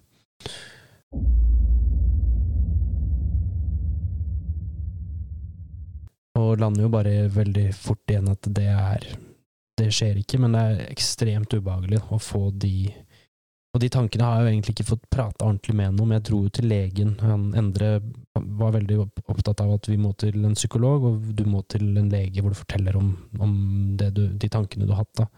Og det gjorde jeg jo, men det var mer sånn Fortalte det bare veldig sånn i overflata, og ja, så gikk jeg jo veldig og gikk liksom og krangla med de tankene. Syntes de var så ekle og ubehagelige, og ja, alle veit vel, eller mange veit vel at hvis man prøver å kvitte seg med tanker, så, så, blir de bare sterkere, og sånn var det for meg i den måneden der, da. Men i hvert fall, den natta der så, så våkner jeg av det, og så ringer jeg til mamma og forklarer at uh, nå er jeg oppriktig redd for meg sjøl, og jeg må, legges, jeg må, legges, inn. Du sa det sjøl, altså? Ja. Okay. For da skjønte jeg at nå, nå, nå, må, nå trenger du hjelp. Ja. Så da sa jeg det um, mm, sjøl, og så kommer mamma kjører opp til meg og hjem til meg, og um, Jeg husker bare hun holder rundt meg og, og sier at det her, det her, håndterer vi. Det her, det her skal gå fint. Uh, hvis det er det du vil, så, så gjør vi det, men, men jeg er her, og Og der håndterer vi time for time og dag for dag. Men du bestemmer, Marius. Og bare det at du sa det, da, og ga meg på en måte ga meg liksom muligheten til alt, det, det gjorde at ting blei litt sånn lettere. Uh, så vi tok vel noen telefoner til uh, DPS uh, og litt sånt, men så landa, landa jeg i at vi tar, vi tar en dag om gangen. og jeg ville jo ikke det. Jeg tenkte at det beste var jo hvis jeg klarte å være hjemme. Så, men da skjønte jeg i hvert fall at jeg må, må ha noe mer hjelp. Det, det, må jeg virkelig ha. Uh, og da fant mamma fram til en psykolog som heter Jon Petter Fagerhaug. Um, og jeg dro inn til han um, Han hadde ganske full kalender, men han, mamma forklarte at det her er Ja, i hvert fall fikk jeg plass hos han, da. Og etter at jeg møtte han, så altså fra jeg egentlig gikk inn i rommet med han Nå skal jeg ikke gi noe uf... Uh, altså sånn i for høye forventninger til skal uh, Hvordan et møte med en psykolog skal være. Da. Jeg prøvde jo som sagt tre-fire uh, forskjellige før jeg møtte han, og for meg var det bare som en sånn derre klikk, hvor han hadde en sånn energi og ro og trygghet som, som gjorde at jeg virkelig hørte på det han sa, og allerede under første time så fikk jeg Han fikk meg til å se annerledes på situasjonen. Fikk meg først og fremst til å skjønne at Eller han utforska kanskje Kanskje er det ikke nødvendigvis at du er sånn kjempesvak.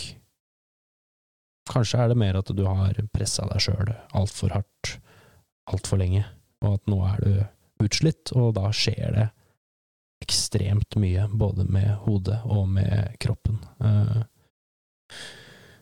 så fra jeg møtte han, så blei det, det ble et slags vendepunkt. Uh, men det gikk jo da lang, lang, lang tid før ting blei stabilt, og det var fortsatt masse angst, og jeg var jo i en uh, depresjon. Uh, sleit med søvnen.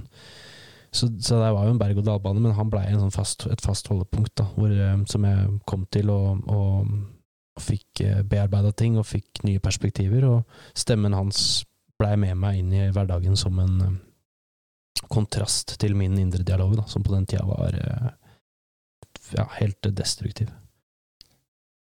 Um, jeg hadde et spørsmål. jeg, jeg, jeg, igjen så klarer jeg å kjenne meg, kjenne meg igjen i det, det, du sier der. For du sa du skulle være litt forsiktig med å på en måte glorifisere han. Mm. At det er han hørte det. Men jeg, igjen så kjenner jeg meg der, da. For jeg har vært igjennom noen ja. som både jeg har gitt opp, og dem har gitt opp meg. Mm. Uh, før, jeg traff, uh, før jeg traff en på Hamar som, som, jeg klikka med. Mm. som fant veien inn til meg. Og jeg, det handler ikke om at de, de, forrige kanskje har gjort en dårligere jobb.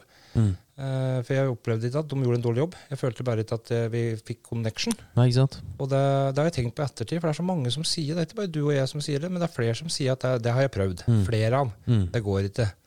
Uh, og da tenker jeg litt på hva Erik Bertrand Larsen sa. Liksom, hvor mange ganger skal du prøve før du gir opp? Mm. Nei, du prøver til du klarer det, eller mm. at du finner den.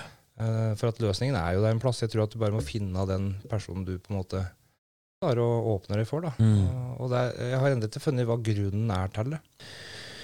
Det er, det er, jo som du sier komplekst hvorfor det av og til funker og av og til ikke. Det, tenker det må jo, For min del så tror jeg ingen ville kanskje Altså på det, på det tidspunktet så var jeg veldig lite mottagelig for hjelp, og jeg var ekstremt destruktiv og veldig lite åpen da, for at noen skulle hjelpe meg. Så kombinasjonen av det og, og kjemi Um, det tror jeg er mange ting som spiller inn, uten at det er noen dårlige psykologer eller uh, mange ting som spiller inn. Og så er det jo kanskje noe med å ikke hoppe for fort videre òg. At man ja. kanskje bør gi det et par-tre sjanser, ja. faktisk, før man hopper videre. Minimum tre, jeg tenker. Ja. Tre runder for å virkelig teste og utfordre litt sjøl. Og ikke være litt redd for å utfordre psykologen tilbake til, mm. og si hva du tenker å føle. Sånn at den personen virkelig vet hva du føler, og ikke må gjette seg til det. Ja. Tør å være åpen og ærlig. Ikke sant? Funker ikke, så, så blir det liggende der når du går ut av kontoret uansett. Ja, og man skal jo, det tar jo litt tid å bli trygg. Ja. Så for å liksom komme inn til de verste skam... Krokene med skam, da, så, så, trenger man tid på å bygge en relasjon. Så det er, nei, det er et spennende tema. Jeg har jo begynt, jeg har begynt i samtaleterapi igjen nå, og det er sånn Uh, tenker det er så viktig å bare slå et slag for det òg. Altså, altså, jeg mener ikke det at alle, alle bør gå til psykolog, men det der, å, det der, å, bare ha noen å prate med, hvor du kan og Fordelen med en psykolog er jo nettopp det at det er en nøytral part som, um, som, uh, som, du ikke trenger å tenke på Altså, du kan fortelle alt, da. Mm. Og det er bare så viktig å skjønne at det å gå til psykolog, det er uh, det er så bra, og du er ikke ute å kjøre, liksom, om du, om, du, om du, må gjøre det. Det er veldig mye bra forebyggende psykisk helsearbeid i å, i å gjøre det før, det før, du virkelig føler at du må, da. sånn som menn eh, ofte gjør. At man venter til det virkelig, virkelig mm. Til du må det. Ja, og så føler jeg at kanskje ordet psykolog og psykologspesialist og sånne ting eh, er blitt litt sånn Det har mista litt sin mening. Det har blitt nesten litt sånn skremt skrem... Det har sikkert vært det lenge, da, men litt sånn, det er litt sånn frykt i det ordet. Hvis mm. du går til psykolog, da sliter du, liksom. Da ja, det kan nok være litt sånn. Ja, mens jeg tenker at det er godt til samtaler. Ja. Si at du går til samtale hvis du absolutt må fortelle noen at du mm. er og prater med så si at du går til en samtaleterapeut. Mm. Det, hvis du syns at ord er vanskelig å bruke. For, ja. Eh, for, det er jo faktisk bare et menneske som sitter her. Det er jo tittelen hans som står på bordkanten. Ja, absolutt. Og så møter du at den som er som meg, eller som Marius, eller, eller noen av dem vi har møtt, som faktisk bare ja, har levd litt lenger og mm. opplevd litt andre ting enn det mange andre har gjort. Mm. Hvor mye tror du egenerfaring i behandling er? Eller hvor viktig tror du det er? Jeg vet ikke, Nå kjenner ikke han Fagerhaug så godt, uh, hva han har vært gjennom i livet, men, men han er jo absolutt en belest fyr.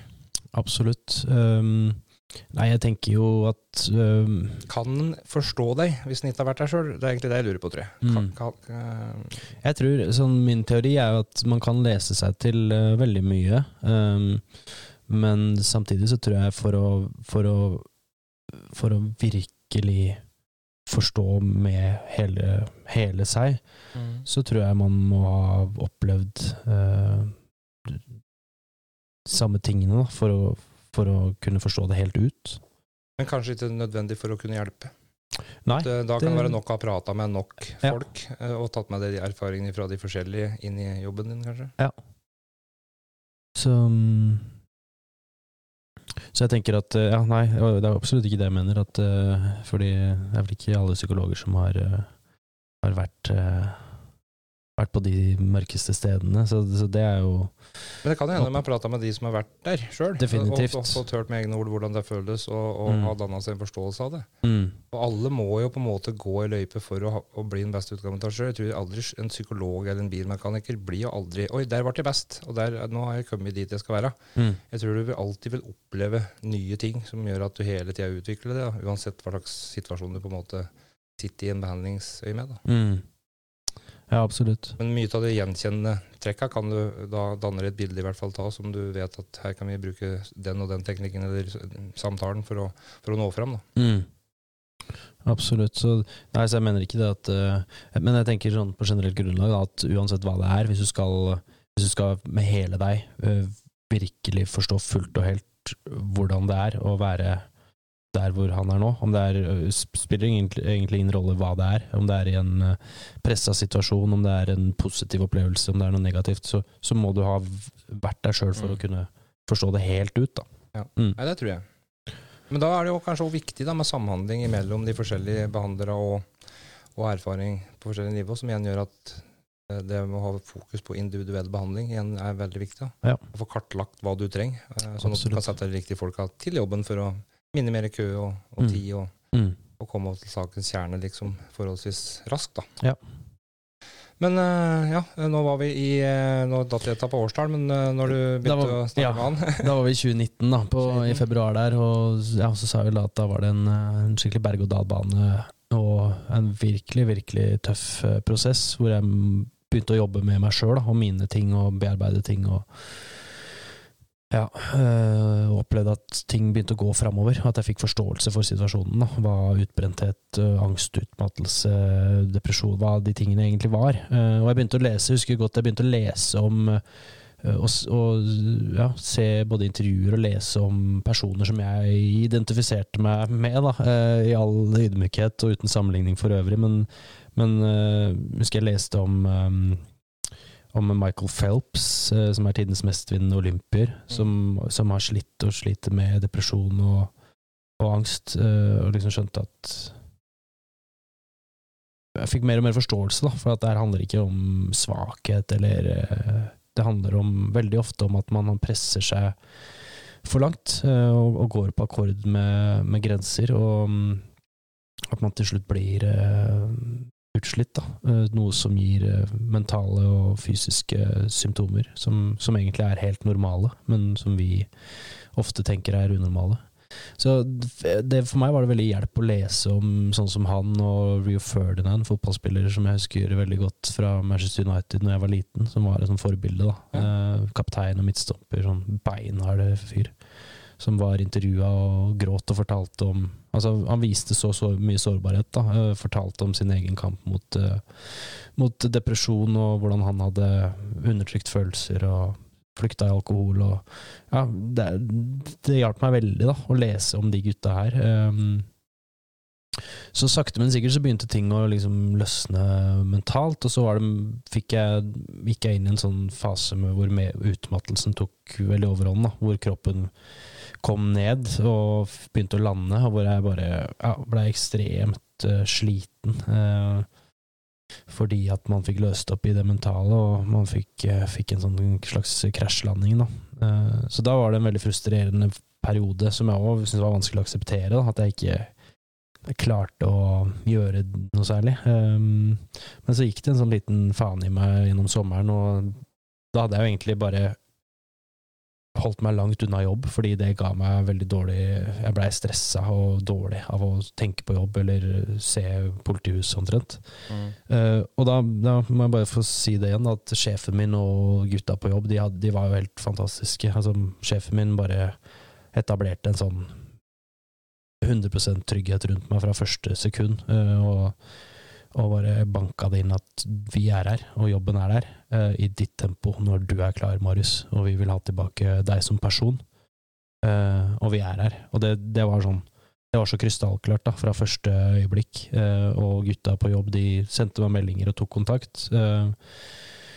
Men jeg, for meg var det for vanskelig da, å nærme meg jobben foreløpig. Men, um, Men over sommeren der så begynte jeg så vidt å jobbe litt smått igjen, og da var det veldig Det var sånn Det var ubehagelig eh, å skulle eksponere seg for ting, men jeg kjente samtidig at jeg håndterte det. Og, og så bygde, bygde vi på eh, sammen med lege og fysio, og så bygde vi sakte, men sikkert på, og så var jeg tilbake faktisk da i full jobb eh, rundt jul, og operativ, og tilbake i politibil på nyåret i februar, etter å ha bestått på en måte tester og godkjenninger da, og, og det som kreves. Så I februar 2020?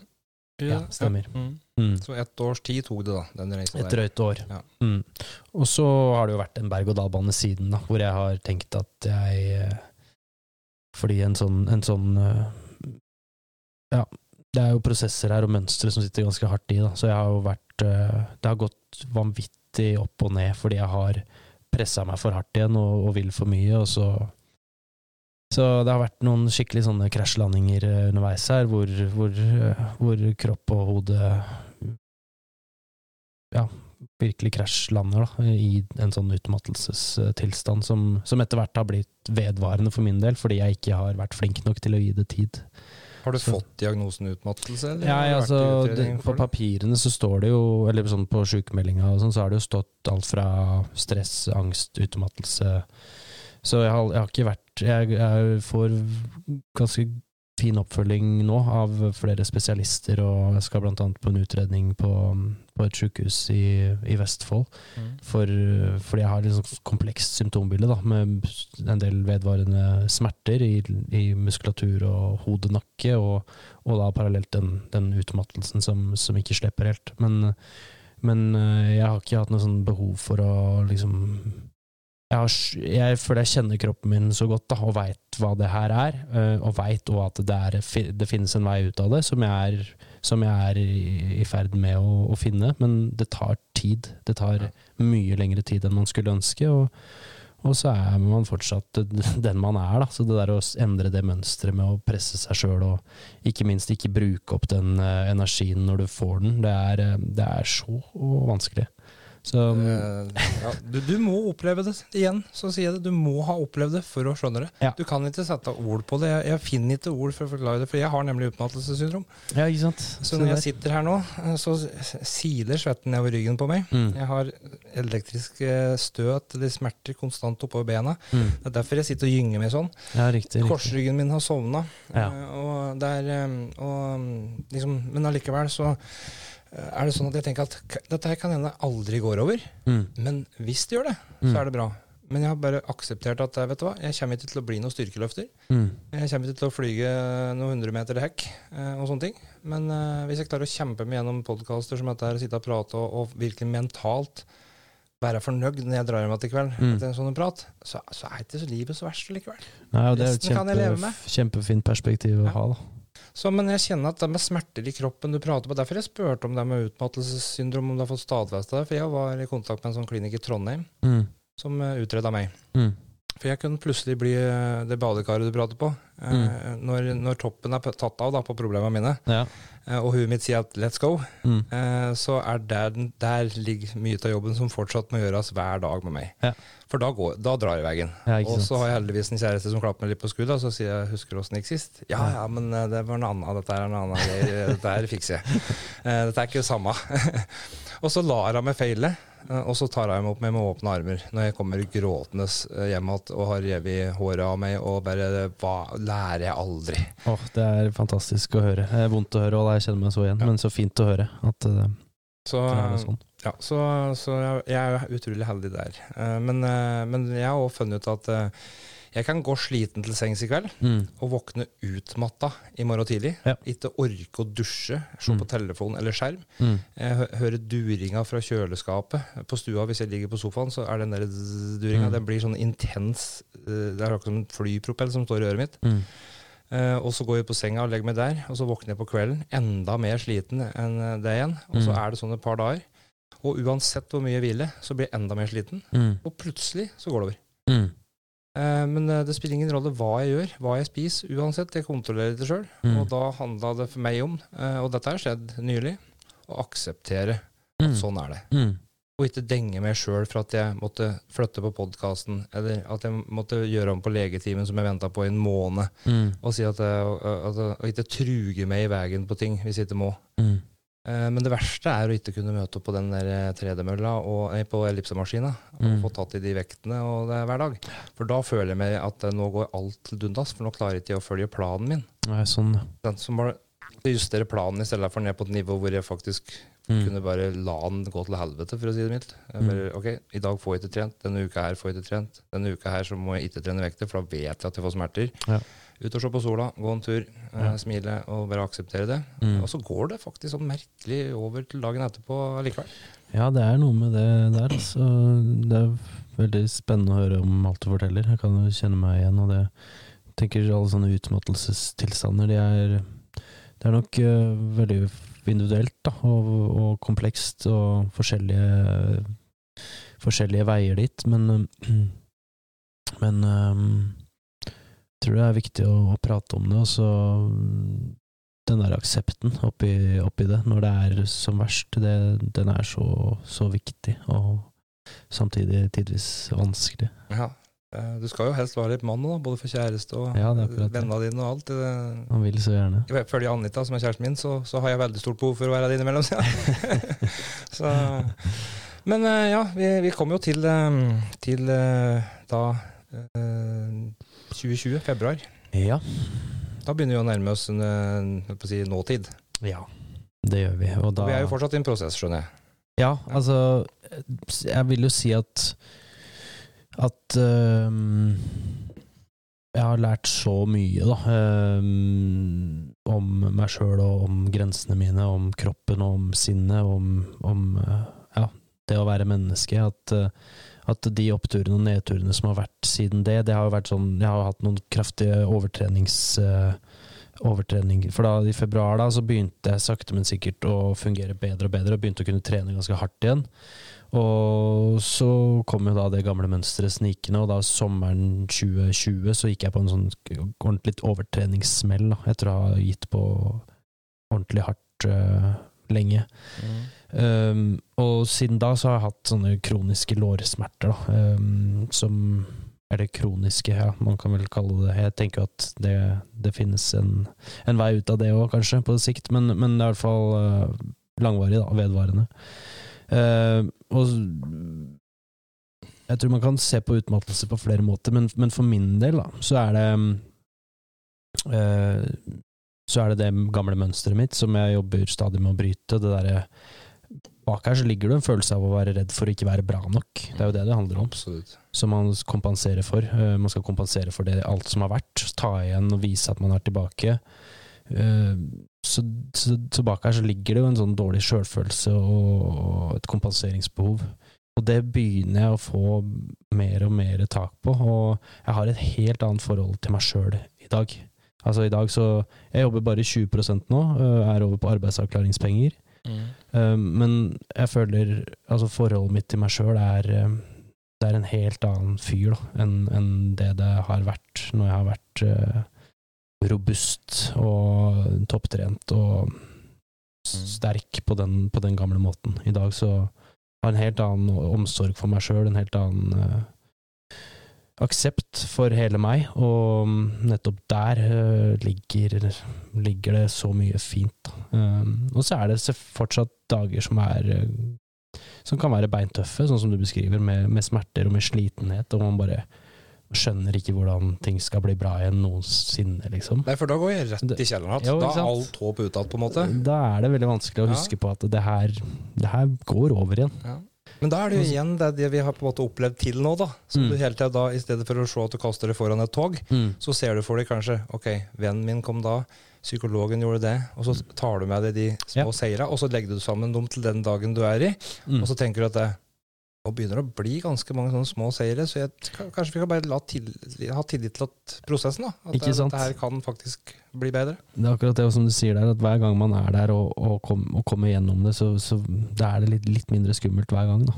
Um, men er, jeg er like fascinert hver gang hvor ekte det føles. Altså hvor håpløst, hvor skummelt det er, og hvordan angsten herjer. Og, uh, og på samme måte hvor, hvor lett man glemmer når ting Ja. føles bra.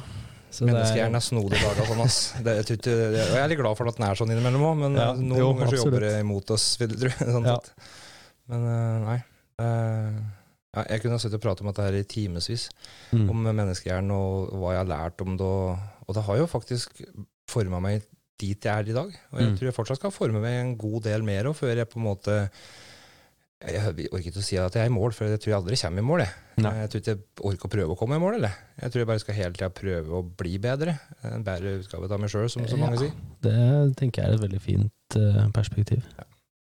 Og um, hvor lang tid tok det fra du begynte å Eller fra 2020 eh, nå eh, til du begynte å tenke at eh, dette her kan vi jo faktisk dele og, bruke og hjelpe andre med? Du, det var ehm, Det var allerede høsten 2019, når jeg begynte å nærme meg jobb igjen, så, så tenkte jeg på det. Fordi jeg var jo, når det smalt for meg, så var jeg, jeg var jo helt overbevist om at jeg var den eneste politimannen i Norge Altså den eneste politimannen som opplevde det her.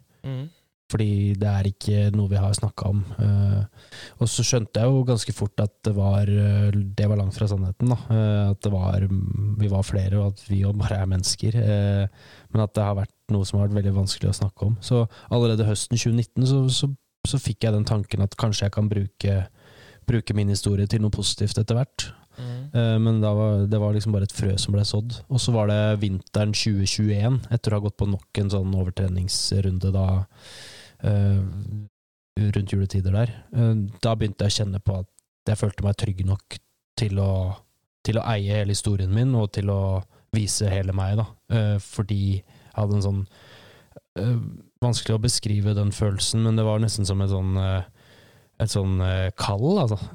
Veldig svulstig. Men, men det var sånn, en så djup følelse inni meg at det her, det her må jeg bare gjøre. Og jeg gikk mange runder med motivene mine, men hver gang så var det bare forankra i at det her gjør du for å hjelpe noen andre. Og, og det, her kan, det her kan være virkelig bra. Da. Um, så husker jeg at jeg ringte til eh, redaktøren eh, til Politiforum i april eh, 2021, etter at det her hadde fortsatt å vokse inni meg. også. Og det som ble viktig for meg, var også at jeg ville ikke, jeg ville ikke at det her skulle bli en sak som kom når jeg var oppe og nikka igjen, og hvor det blei en sånn før og nå-greie. Jeg ville, jeg ville at de skulle få være med på, på prosessen, for da var jeg jo fortsatt sjukmeldt. 100% sjukmeldt. Sånn at de fikk et helt ærlig innblikk i nettopp hvordan en sånn prosess er. da. Det tror jeg er utrolig viktig, det er akkurat det du sier. At, du, at du deler når du står i følelsen, og ikke ser tilbake igjen. For at du, du glemmer fort. Og du, hjernen forandrer seg, sånn at du får ikke plukka med deg det du føler akkurat der og da, videre når du er frisk, på en måte. Eller bedre. ja. Du kan, da kan du kun fortelle om det. Men, eh, og grunnen til at jeg avbryter nå, er for at eh, min første podkast var i Mjøstårnet nede her, mm. i Nordpodden, noe som heter Nordpodden. Ja. Så hvis du søker opp der, så får du sett eh, en tannløs fyr som sitter noe tøgge tøggi på og sputta ut igjen fra Ja. sykehuset. eh, for at eh, jeg visste bare én ting, og det var at jeg ville dele historien min høyt, så alle hørte den. Ja. Så jeg slapp mer ubehagelige spørsmål om om jeg hadde vært narkoman, hva jeg hadde gjort. Mm. Eh, så han, uh, han eh, meg eh, veldig da, på at jeg skulle komme ned og fortelle. Ja. Mm. Eh, og jeg hadde lyst til det, men igjen veldig skummelt. Og så sa jeg at vet du hva, jeg tror ikke jeg er klar. Mm. Eh, jeg er i en prosess. Eh, jeg har vært nykter i noen få måneder, uker, altså, eh, og jeg, jeg vet ikke om jeg klarer det. Og så sier han ja, men er det ikke desto viktigere da, Mm. å, å dele akkurat det, at du, at du er usikker? Mm. Eh, for å vise hva, virkelig, hvor, hva dette koster, hva, hvor mye jobb det er. Ja, ikke sant. Eh, og, så jeg valgte å gjøre det, og det har jeg aldri angra på. Mm. Uh, og jeg, jeg, klar, jeg klarer ikke engang å høre gjennom den episoden sjøl. Jeg har begynt å prøve å skulle høre på en måte hvor jeg var hen. Ja. Eh, Jeg må avbryte, for at jeg, jeg, jeg, får så vondt inni meg. da. Jeg Og jeg er så glad for at, at jeg delte det da, for at jeg hadde ikke klart å gjenskape den følelsen og det øyeblikket og det blikk, tomme blikket jeg hadde, og, Mm. og, det, ja, og traumer etter knivstikkinga og alt dette der. Enormt uh, modig og sterkt gjort, da. Jo, takk for det. Eh, Jeg tror jeg nesten gjorde det like mye ut av frykt. Ja. Jeg vet ikke. Det, det var, jeg klarer ikke helt å si hva som egentlig gjorde det, men det var både frykt og, og behov og alt, tror jeg, på en gang. Mm. Eh, og så tenkte jeg at eh, hva har jeg å tape? Eh, Alle tror jo at de vet alt om meg allikevel, så jeg kan like godt bare fortelle all jævelskapen jeg drev med sjøl, så blir det i hvert fall delt fra meg, da. Mm. Eh, og så gikk jeg på en smell med tilbakefall til amfetamin, Mm. midt oppi hele sirkuset. Mm. Eh, og han, han ringte meg og bare Ok, hva skjer nå? Mm. Og jeg har tilbakefall. Vil du dele om det? Ja, men ikke akkurat nå. Jeg må ha et par dager å lande på, og så skal jeg Mm. komme ned og fortelle om det. Mm. Så han slapp meg ned igjen og, og Ok, hva har skjedd nå? Mm. Så fikk jeg prata høyt om det. Og dette var jo før jeg begynte i noe behandling. Jeg sto på venteliste til nærbehandling i kommunen, Mm. og så oppdaga jeg at uh, fader, hver gang jeg gikk igjen fra den podkasten, så følte jeg meg jævla bra. Ja. Og, og, og så var det jævla skummelt å dra dit først, og så, og så følte jeg meg bra. Hva, hva var dette her, liksom? Ja, Men den følelsen ville jeg ha mer av. Mm. Som igjen gjorde at jeg torde å ta imot hjelp. da. Mm. Og så gikk jeg på en smell igjen, havna på psykiatrisk avdeling, innlagt. Eh, Søstera mi kjørte rundt på meg et helt døgn. Jeg satt og niholdt i en kniv, trodde alle skulle drepe meg. Ja. Og eh, ja, eh, att fram, att fram. Men jeg hadde ikke klart å sitte her i dag og skulle forklare det med de orda jeg brukte da. Nei, det, Det, det an. Så, mm. så jeg vil bare si til deg at det, det du gjorde der, da, det tror jeg er med å forsterke både inntrykket og opplevelsen til de som sitter og hører på. mm. At du deler i øyeblikket. Jo, det er nok noe med det. Og så tenker jeg jo at, eh, at eh, ja, det er kanskje ikke all åpenhet eh, som er bra, hvis den blir sånn kjempesminka, men, men, men jeg tenker veldig Den aller meste åpenhet er jo bra, selv om, selv om det kommer i, ettertid òg. Det, det er jo veldig med på å ufarliggjøre og, og normalisere. og Så klart. men, men jeg hadde kjent litt på ja, Litt sånn som du sier, at jeg hadde lest noen artikler som var litt vinkla dit at før var det sånn, og nå er det bra. Og det kjente jeg på når jeg var midt oppi det sjøl, at det var, det var Det kunne være litt sånn dritt å, Mm. å lese om, da. Eh, mens det derre perspektivet om at at det er, ja, det er fortsatt lov å gi rom til de negative følelsene og de dårlige dagene. Og Det, jeg tror bare det er så viktig, istedenfor å holde en sånn fasade om at eh, For det blir et sånn press, da, både på deg sjøl og ja, at nå er det ikke rom for å tråkke feil igjen, liksom. Eh, jeg tror vi må gi hverandre det slacket. Mm. Og ikke minst kanskje altså, Det er ikke for alle. Alle skal ikke gå ut og fortelle historien sin offentlig. Det, det- det, anbefaler jeg nesten til ingen. altså, det er, det er sånn der, dette er ikke noe jeg anbefaler, dette var min historie og min Ja. og min opplevelse. Eh, Jeg tror eh, fåtallet bør begi seg ut på det, for det, kunne helt klart ha blitt gjort enklere for min del. Jeg, jeg hadde spart meg mye lange omveier og vonde tilbakefall og, og ting, men allikevel så visste jeg at jeg hadde nettverk rundt meg til å klare det. De, Ja. de støtta meg. Det var det som var avgjørende. Jeg hadde aldri vært tort å gjort dette alene. Nei. Så, Det er et kjempepoeng. Jeg tenker det, det, man må gå Det bør vokse fram over lang tid, og man må Ja. virkelig kjenne det hvor det her kommer fra, da, før man velger å gjøre det. det ja, og, la det ta, og la det gå litt tid. Ja. Tror jeg er bra. Sunt. mm. Um, ja, um, podkast, uh, dele erfaringer. Ja. Uh, Hvordan starta det? Du, podkasten vår, den starta eh, den, Det var jo noe jeg hadde hatt sånn et, altså liggende i bakhodet en stund, at eh, eh, at jeg ville ikke at den saken at, Altså at det arbeidet med Jeg kjente jo på hvor meningsfullt det var å jobbe med Politiforum og, og lage den saken. Og så ville jeg ikke at det skulle bare stoppe med det. Eh, så jeg drev og tenkte litt og undersøkte litt rundt podkast.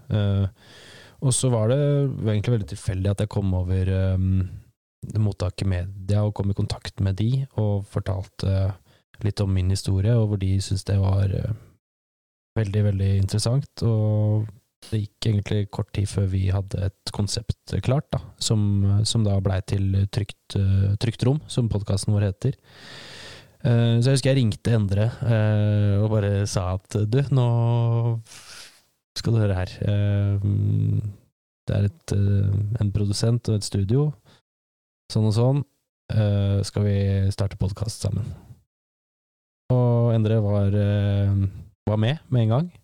Og mm, så gikk det ikke mange ukene før vi var på plass nede i studio og begynte å teste det ut litt. Og så har det da blitt til det som heter Til trygt rom, hvor det er meg og, og Endre som er psykolog som er i studio hver episode, og så har vi en ny gjest eh, og et nytt tema hver gang. Da. Så det vi ønsker, er egentlig bare å ufarliggjøre, normalisere tabubelagte temaer, og Mm. gjøre det på en måte som ja, hvor vi både tuller og, og fjaser litt, eh, samtidig som vi går ned i dybden på, på ordentlig sårbare, vonde ting. Da. Og viktig har det vært for deg med humor, eh, og galgenhumor, både i forbindelse med jobb. For jeg, jeg merker jo fort, når jeg ble arrestert, som Ja. jeg har blitt noen ganger, for å si det mildt, eh, så Merte, den der litt sånn der guttastemningen. Og sier guttastemning, selv om det er mye damer i politiet òg, Ja. altså damene som jeg møtte, de, ble en del av gutta. Det var ikke, det var ikke de mennene som ble feminine. Mm. Det var de damene som hang seg på og ble litt røffere i kjeften. og og sånne ting. Og jeg merker at det er mye galgenhumor og tulling. Eh, Ja. og, og det er i prosessen jeg har hatt òg, så, så jeg måtte tulle så mye med meg sjøl Mm. for at folk skulle skjønne at det ikke var så synd på meg som det så ut som. For det, Ja, jeg jeg følte at folk dulla meg med til slutt. Mm. Eh, nei, for meg har det vært litt sånn balansegang, eh, fordi jeg tenker humor kan være Det kan være bra, men så kan det òg være Det prata vi faktisk litt om i episoden vår som kom, kom ut nå på onsdag i går. Men at det òg kan være Det kommer helt an på, Uh, fordi jeg kjenner at uh, det kan bli lett å tulle bort ting òg. Og jeg merker jo spesielt sånn som vi har en, en god kompis og kollega som, hvor vi har faktisk fleipa litt om akkurat det her. Altså fleipa om det å, om å fleipe Ja. med ting. Fordi vi har hatt eh, liksom vokst litt sånn eh, Relasjonen vår har vokst eh, mer og mer, og så har vi turt å begynne å dele litt sånn sårbare sider. Sakte, men sikkert. Og så i starten så var det litt sånn at vi, når vi da var ferdig med de samtalene, så blei det litt sånn Vi visste ikke helt hva vi skulle si og gjøre for å For da følte vi at nå hadde vi vært litt eh, sårbare. Da måtte vi liksom Da måtte vi kødde litt. da. Uh, og så så jo begge det her utenifra at det var ganske sånn At det var litt uh, teit, uh, men ganske litt sånn ja, komisk og på et vis. Da, at det er ganske klassisk at man får behov for å gjøre noe for å kompensere etterpå. Så, så mm, jeg tenker eh, Så lenge man ikke tuller eh, på en sånn måte eh, som gjør at det blir At man føler det ubehagelig, da. At du føler at du liksom Du utleverer deg mm, på en fleipete måte som du kjenner Som du kjenner gjør liksom vondt etterpå, så er jo humor fint. Men, men jeg har vel ikke brukt sånn jo, jeg har brukt en del humor rundt, rundt alle de Absolutt. Altså alle de gangene jeg har gått på trynet, og alle de gangene jeg har, eh, har liksom gitt gass når ting har vært eh, Hvor jeg har trodd at det har vært good, og så er det jo ikke det. det vi har brukt mye humor på de tingene, altså. Og det, det er sånn, det syns jeg bare er fint òg. Så jeg er liksom- veldig, veldig lite sår på sånne ting. Men, eh, Ja, det er liksom sånn helt om natten, helt om dagen, og så er det avrevet korsbånd og lårmuskler på kvelden. ja, ikke sant? ja, nei, men, det, men det, det gikk egentlig Jeg tror jeg fikk svaret litt der i, i den prosessen vi hadde nå, faktisk. For at det, jeg, jeg, det gikk egentlig litt sånn opp for meg hvorfor jeg har tulla så mye. Ja. Det er frykt. Ja. Beskytte meg sjøl. Kommer fra barndommen av, når jeg ble mobba, Mm. kalt tjukk og dum og teit og feit og alt dette der. Mm. Så fant jeg ut at eh, ok, eh, hvis det er sånn noe mer, så skal jeg mobbe meg sjøl så jævlig at jeg Mm. skal ta fra dem alle poenga. Så jeg Mm. begynte å bruke galgenhumor i barndommen. eh, Og, og kødde med liksom ja, med meg sjøl såpass mye. Mm. eh, At og da begynte folk å flire av meg, for de syntes jeg var morsom. ikke sant? Mm. Og så slutta de å mobbe meg, og så syntes de jeg var artig i stedet for. Sånn at eh, Jeg fikk jo egentlig litt svar når vi prata på det, at det, kanskje det er en, noe av det gamle som ligger igjen. At det, Å tulle litt, da. Det Mm. handler, at kanskje, kanskje egentlig er det en litt sånn fryktfølelse bak, eller at du på en måte prøver å veksle litt på for å komme deg litt vekk eller ut eller bort, eller Ja, kanskje. Jeg tror, det, jeg tror det kan være begge deler. Jeg tror det kan være en trygghet, altså at man er trygg nok til å kunne fleipe litt om ting, men så kan det nok òg være en forsvarsmekanisme i det. Så, så det Ja, det tror jeg man kjenner, egentlig. Når man, Velge tid, sted og, og situasjon med omhu, kanskje. For, Mm. liksom, ja. en, en jobbrelatert politisammenheng hvor dere har vært ute for ting, og, og det er uh, alvorlige hendelser, så er det ikke uh, å dra på med en skikkelig skikkelig grovis kanskje det beste du gjør, men uh, at jeg heller prøver å, å lande situasjonen ut ifra hendelser. Ikke sant. Mm. Um, ja, er det, nå har jeg igjen avbrøt her, men uh, er det noe mer i prosessen der? Du sa um, trygt rom, begynte å lage den. Hvor mange episoder har dere laga? Du, vi begynte Vi, hadde, vi har en introserie på um, Det er vel seks episoder. Seks må jo intro introepisoder som er om min historie. Og så har vi vel nå episode Vi, vi slapp første episode 1. januar, eh, og så har vi nå da Ja, det var femte episode som ble publisert i går, da. Mm. Jeg har ikke røkket hørt mer enn de For det var veldig, veldig tydelig enkle femminuttersnutter. Mm. Hvor det ble veldig kort og ordentlig fortært situasjon. Ja. Det var veldig, jeg var veldig, glad for at jeg ikke hadde gjort det sånn. At Mm. det ikke bare ble borti et stort bilde, men der ble det delt opp litt eh, prosessen. Og så gikk det greit inn i en podkast med Fagerhaug, eh, der, som vi har begynt på, men jeg har ikke kommet lenger enn det. Nei, ikke sant. Så, men hva slags gjester er det dere har der og er ute etter, og hva, hvem er det dere vil at skal dele historien sine der? Du, det er, vi prøver å gå ganske sånn bredt ut, prøver å gjenspeile samfunnet litt. Så til nå så har vi jo hatt Jon Petter Fagerhaug, psykolog, vi har hatt Wenche Knutson, artist, vi har hatt uh, Trond Hammer uh, fra beredskapstroppen, som er uh, han Han har jeg hørt om, tror jeg. Ja, han brakk ryggen i en ulykke, så han har en ganske sånn heftig historie på mange måter. Mm. Så har vi hatt um, en som heter Blakeren, Fredrik Larsen. Uh, fotballprofil fra Romerike. Okay. Så hadde vi forfatter og psykolog Sigrid Magelsen Skeide i går, da, uh, som fortalte om boka si om ja, indre kritiker. så vi, vi, prøver å egentlig gå, gå, ganske bredt ut da, og dekke, dekke hele samfunnet, er det vi, mm. det vi tenker, da. Men men, eh, men det er jo noe med Altså Temaene eh, finner vi jo som oftest Vi tenker hvem er det som kunne vært spennende folk å prate med, og så finner vi jo, har vi jo temaet i bakhodet òg. Så det viktigste for oss er egentlig at vi, vi, har en gjest som får prate om noe gjesten brenner for, mm. eh, og at det er temaer som er, eh, som, er som vi mener er viktige, da, åpenbart. Mm. Er du fortsatt Du var i 20 %-stilling nå? Ja, nå nå har vi er i en fin prosess der òg. Jeg har blitt enormt godt ivaretatt av arbeidsgiver, men nå, nå, nå er jeg på arbeidsavklaringspenger og jobber 20 Og til de som hører på, som, som klør seg litt i hodet over en politimann som, er, som det svinger så fælt med, så jeg er jo ikke nå operativ. Det er, vi har, altså man har jo rutiner, og man må gjennom et løp for å bli operativ igjen. Da. Det må være stabilt over tid. Så, så, jeg jobber jo på instruktøravsnittet med opplæring. Ja. Uh, du er ikke ute i felten, men når du Jo, det er en del av turnusen vår ja, okay. når, vi, når, vi, er uh, Altså for de andre da, som er uh, helt oppe og, og nikke og, og, og, helt funksjonelle, så, så jobber de ute òg. Men hovedprimæroppgavene våre er opplæring og, og tilrettelegging av eget personell. da. Mm.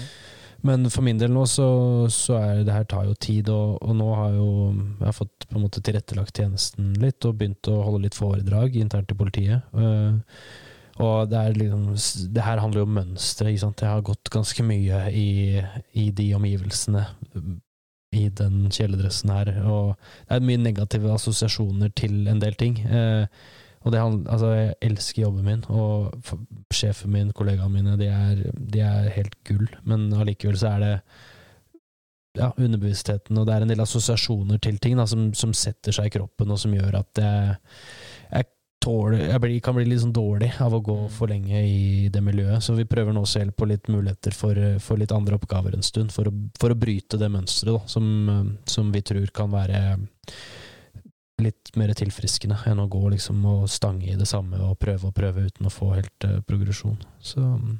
for Da svarte du litt på det neste spørsmålet mitt, som er uh, hvor viktig er det egentlig for deg å være politimann? Mm. Hvor stor del av deg er det? Det har vært uh, alt, og så har det blitt, etter at jeg har jobba med meg sjøl og fått et helt annet forhold til meg sjøl, så er det så har det ikke blitt uh, Det er fortsatt en del av identiteten min, men det viktigste for meg nå er uh, Det er meg. Altså mm. Og det er veldig godt å kjenne. Jeg er helt enig i. Mm, og det er veldig godt å kjenne på det, at man ikke legger alle egga i den kurven, for da, da, er det så forferdelig tomt uten. Så, mm. så jeg er veldig stolt av å være politi, og jeg er veldig et, Ja, vi har jo så vanvittig mye fine folk i etaten, og veldig stolt av å være en del av det. Uh, samtidig så, så må jeg nok en periode nå lage meg en litt sånn en ny vei. Um, det betyr ikke at jeg kommer til å slutte i politiet, men, men uh, hvor i hvert fall tjenesten min en periode må bestå av, av litt andre ting enn det det har vært, kanskje, da, for mm. å bryte mønstre og for å Det mest meningsfulle jeg gjør nå, det er jo å sitte sånn som her og prate ja. om ting og, og og bruke, bruke, alt det vonde til, til, noe positivt, da, som kan være til hjelp. Og jeg syns at uh, politiet skal være utrolig stolt av det. Takk for det. Uh, ja, det mener jeg virkelig. Det var veldig fint sagt. Jeg har en del erfaring med politiet, mm. uh, både på godt og vondt. men jeg syns at politiet bør, bør bruke deg i ikke bare det du har opplevd sjøl der. Mulig jeg tar feil, men jeg har bare delte tanker. Mm. Men eh, de gangene jeg har sittet på glattcella, blitt tatt for kjøring i ruspåvirka tilstand, eh, ble bunta sammen, kasta inn på cella, fått et par skotupper i kjakan fra Rufin. Eh, Mm. Så eh, jeg har vært i alle ender av personligheten min og, og testa grenser og, og utfordra både politi og advokater og, Mm. og det meste. Selv om jeg ikke var en av verstinga, så var jeg nok en ganske stor pain in the ass når jeg først satte i gang. Eh, og, og jeg tror du og historia di òg kan være med og så um, Hva skal jeg si? Åpne opp da, for bedre dialog uh, ut mot sånne som meg, Mm. ikke minst. Uh, jeg delte jo litt før vi gikk på luft her, Mm. om min reise. Og jeg har jo ikke på langt nær delt alltid fra, fra, fra mine erfaringer.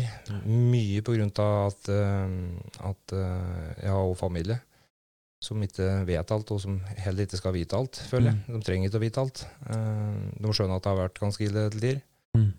Men, men mye av dette handler jo om at eh, jeg møtte politiet for at det som sto på drakta. Helt til jeg møtte en politimann som, som spurte meg åssen det egentlig gikk med meg. Og da trodde jeg han eh, var ute etter informasjon. Da gikk jeg inn i den noia- noia-responsen og tenkte at ok, han der skal ha meg til å tyste på et eller annet, prate på et eller annet. Ja, det var det første jeg trodde. Ja. Um, og, eh, men så, så sa jeg jo da bare at det gikk greit, liksom. Og så sier han ja, for jeg, jeg kjenner, jo, kjenner jo det litt fra før. Jeg vet ikke om du husker det, men vi gikk på skole sammen. På samme skolen. Da. Ja.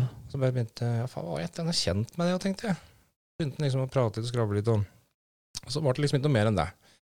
Men så tenkte jeg sånn der hm, Kanskje han mente det? Men den kriminelle og rusavhengige valgte å legge det på den hylla om at dette var mistenksomt. Mm. Og så dukka det opp en annen helt ukjent en fra Oslo. Eh, og oppe i Brumunddal så er det ganske heftig eh, fra Bygde-Norge når det kommer gutta fra Oslo kommer. Ja, de, de, de tok til oss med litt andre hansker enn det disse gutta på her hadde gjort. Da, Ja, sånn. Eh, der ble vi ganske tydelig forklart at kødder du med meg, så kødder jeg med deg tilbake igjen. Okay. Rett og slett. Altså, her får du rene ord for penga. Mm. Eh, Du står der, du jeg har ikke på deg håndjern. Jeg bare I all verden, har han ikke på meg håndjern? Eh, for at her gir det en sjanse, så hvis du står der pent og pynter, så behandler det deretter. Stikker av, finner på noe kødd, så da smøker jeg det i bakken, og så bærer det inn. Ja. Og jeg var sånn derre Hæ? Altså, vil han jeg skal prøve å flyge? Det, nå, nå prøver han å sette i gang Nei, altså, jeg, jeg var hele tida i den der Jeg så etter hva, hva dere prøvde å gjøre med meg. Mm. Og så kom han tilbake og sa men du, du var litt så verst å ha med å gjøre. Så liksom sånn, jeg, Jeg er jo egentlig ikke det. det, det. Var litt sånn der, jeg har vært litt paff, da. Her står du og arresterer folk, og jeg ble stående uten håndjern. Så sånn der, jeg trodde nesten at du prøvde å sette deg med i en situasjon her at jeg var den eneste som ikke fikk håndjern, liksom. Han bare Nei, nei, det bare, nei men du var den, rolig, den roligste av dem, så jeg Mm. valgte bare å gjøre det sånn. sånn. Og, um, og så begynte han å prate liksom, på, sånn, ja, liksom, ja, men hvorfor er du her? Du virker ikke som en sånn forferdelig kriminell, og det, jeg skjønner at han har rusutfordringer, sånn, men, eh, men hva i all verden er, er dette her, liksom? Mm. Og um, ja, tok jeg meg med den videre til neste. Og så endte det opp med en som eh, ja, Jeg tror ikke den er i tjeneste, jeg skal være litt forsiktig nå, men, eh, men han var vel på den tiden da, eh, en av de lederne for narko eh, Jeg vet ikke hva det heter engang. Snittet i Norge, eller i Østlandet, er det vel det heter. Østlandet. Han var lederen for de forskjellige. Han, han farta opp og ned med Hamar, Brumunddal, Oslo, Mm. eh, overalt. Så han dukka opp i forskjellige byer. da. Jeg Ja. kjente han igjen, plutselig for, for forbi biler, bare i all verden, så er han her òg, liksom. Mm. Hvor jeg da på, på, eh, på et eller annet tidspunkt eh, fikk en kontakt med han etter en ganske alvorlig hendelse på Ådalsbruk i Løten, alle ting. Å ja. Skyteepisode. ja, riktig. Hvor eh, jeg og en, en kamerat av meg endte opp i en skuddveksling med en annen, annen fyr. Ja, ok. Og det ble kulehull i biler og, og sånne ting. Mm. Og jeg ble etterlyst for medvirkning til drapsforsøk. Ok. Eh, og jeg hadde kun sittet på, da. Mm. Så da begynte jeg å skjønne at ok, her begynner ting å ta av litt. Mm. Eh, men det var han eh, og de hendelsene forut, da, med de andre som hadde spurt åssen det gikk, Mm. den siste sjansen han ga meg, som sa ok, kom opp og meld deg, eh, så tar vi en prat. Mm. Og så bare jeg, da må jeg komme opp på morgenskvisten, jeg orker ikke sånn at du stormer inn bevæpnet i leiligheta mi og masse kødd, så da kommer vi i morgen tidlig. Mm. Jeg kom opp i kveld, sa han. Sånn. og så drar du hjem, og så dusjer du deg, i årene, tar med bagen din, for du kommer til å bli borte noen uker, Mm. antageligvis. Så gjør du det, og så tar du med bagen din, og så, og så tar vi det derfra, sånn. Ja. Uh, og så ble det sånn, sier han ifra til meg at jeg skal inn i varetekt? Mm. Og så tenkte jeg, ja, ja, hvis han er såpass åpen, så er jeg det, og så da gjorde jeg det. Mm. Og fikk kjørt inn sjøl, kom med bagen min og ble møtt i døra. Og, Og fikk en prat med en fyr. Det var det sånn alvorlig avhør. Spurte hva som hadde skjedd. Litt sånne ting. Prøvde å fiske litt informasjon av meg, bare for å teste hvor, hvor jeg var. Og så sa han jeg må gjøre jobben min, sa han. Mm.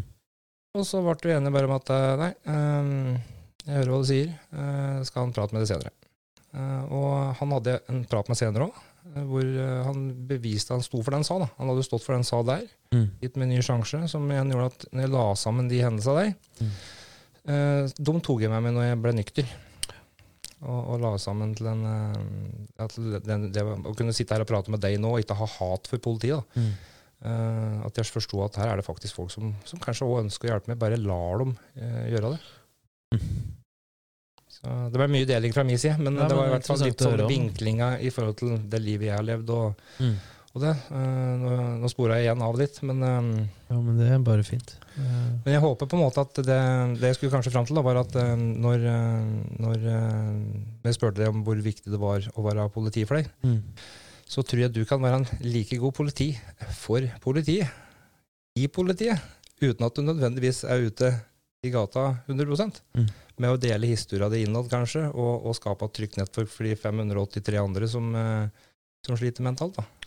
Det er veldig hyggelig sagt. For Ja, eh, hvis takk du for kan være en prosess som hjelper, om du bare hjelper ti stykker, eller én, ikke sant? Mm. Men, men kan din historie og åpenhet hjelpe en viss prosent av, de, av de tilbake igjen, så har du gjort mer totalt Mm. for hele bildet enn du hadde klart alene ute i felten. Mm. Sånn jeg ser det. da. Nei, det, det, så jeg tenker jo litt sånn. Altså, det, kan en, en dra nytte av det, så er det, det er det verdt det. Og eh, hvis jeg møter en av de som har vært og prata med deg, som, som har en større forståelse for det, så er jeg Mm. ganske sikker på at jeg møter en ganske mye, en mye bedre politimann. Mm. Som forstår meg kanskje bedre enn en mange andre. da. Jeg tror det er så viktig uansett hva vi gjør, da. eh, og det der å ha med hele seg. eh, så er det selvfølgelig noen situasjoner hvor man Ekstreme situasjoner hvor man må, hvor man må bare Man kan jo ikke gå rundt som en sånn eh, åpent eh, sår hele tida, det er ikke det jeg mener. Men, men det der å i møte med folk, da ha med hele seg, og ha Mm. med seg sårbarheten sin, og ja, se folk for, for det, det, det det er, da. eh, Det er, det er viktig. Og det, er fullt mulig oftere enn enn man kanskje av og til tror, da. Mm. Ja, for bare å ha det med i, i, i registeret sitt. Hvis du går gjennom fem sjekkpunkt når du møter en person, da, en Mm. rusavhengig en, og du har med deg fem sjekkpunkt, har du et sjette, så har du et ekstra kort i ermet som Mm. du kan bruke når du ser oi, her er det en dør som åpna seg, Ja. her kan jeg nå inn Mm. et kort øyeblikk og kanskje være med i en endringsprosess. da. Mm. Om ikke jeg klarer å endre det nå, så kan det være en del av, av prosessen videre til et tidspunkt. Mm. Så- Nei, jeg, jeg er utrolig takknemlig og, og imponert og, og alt. Eh, Jeg har sikkert mange flere spørsmål jeg skulle ha stilt det òg.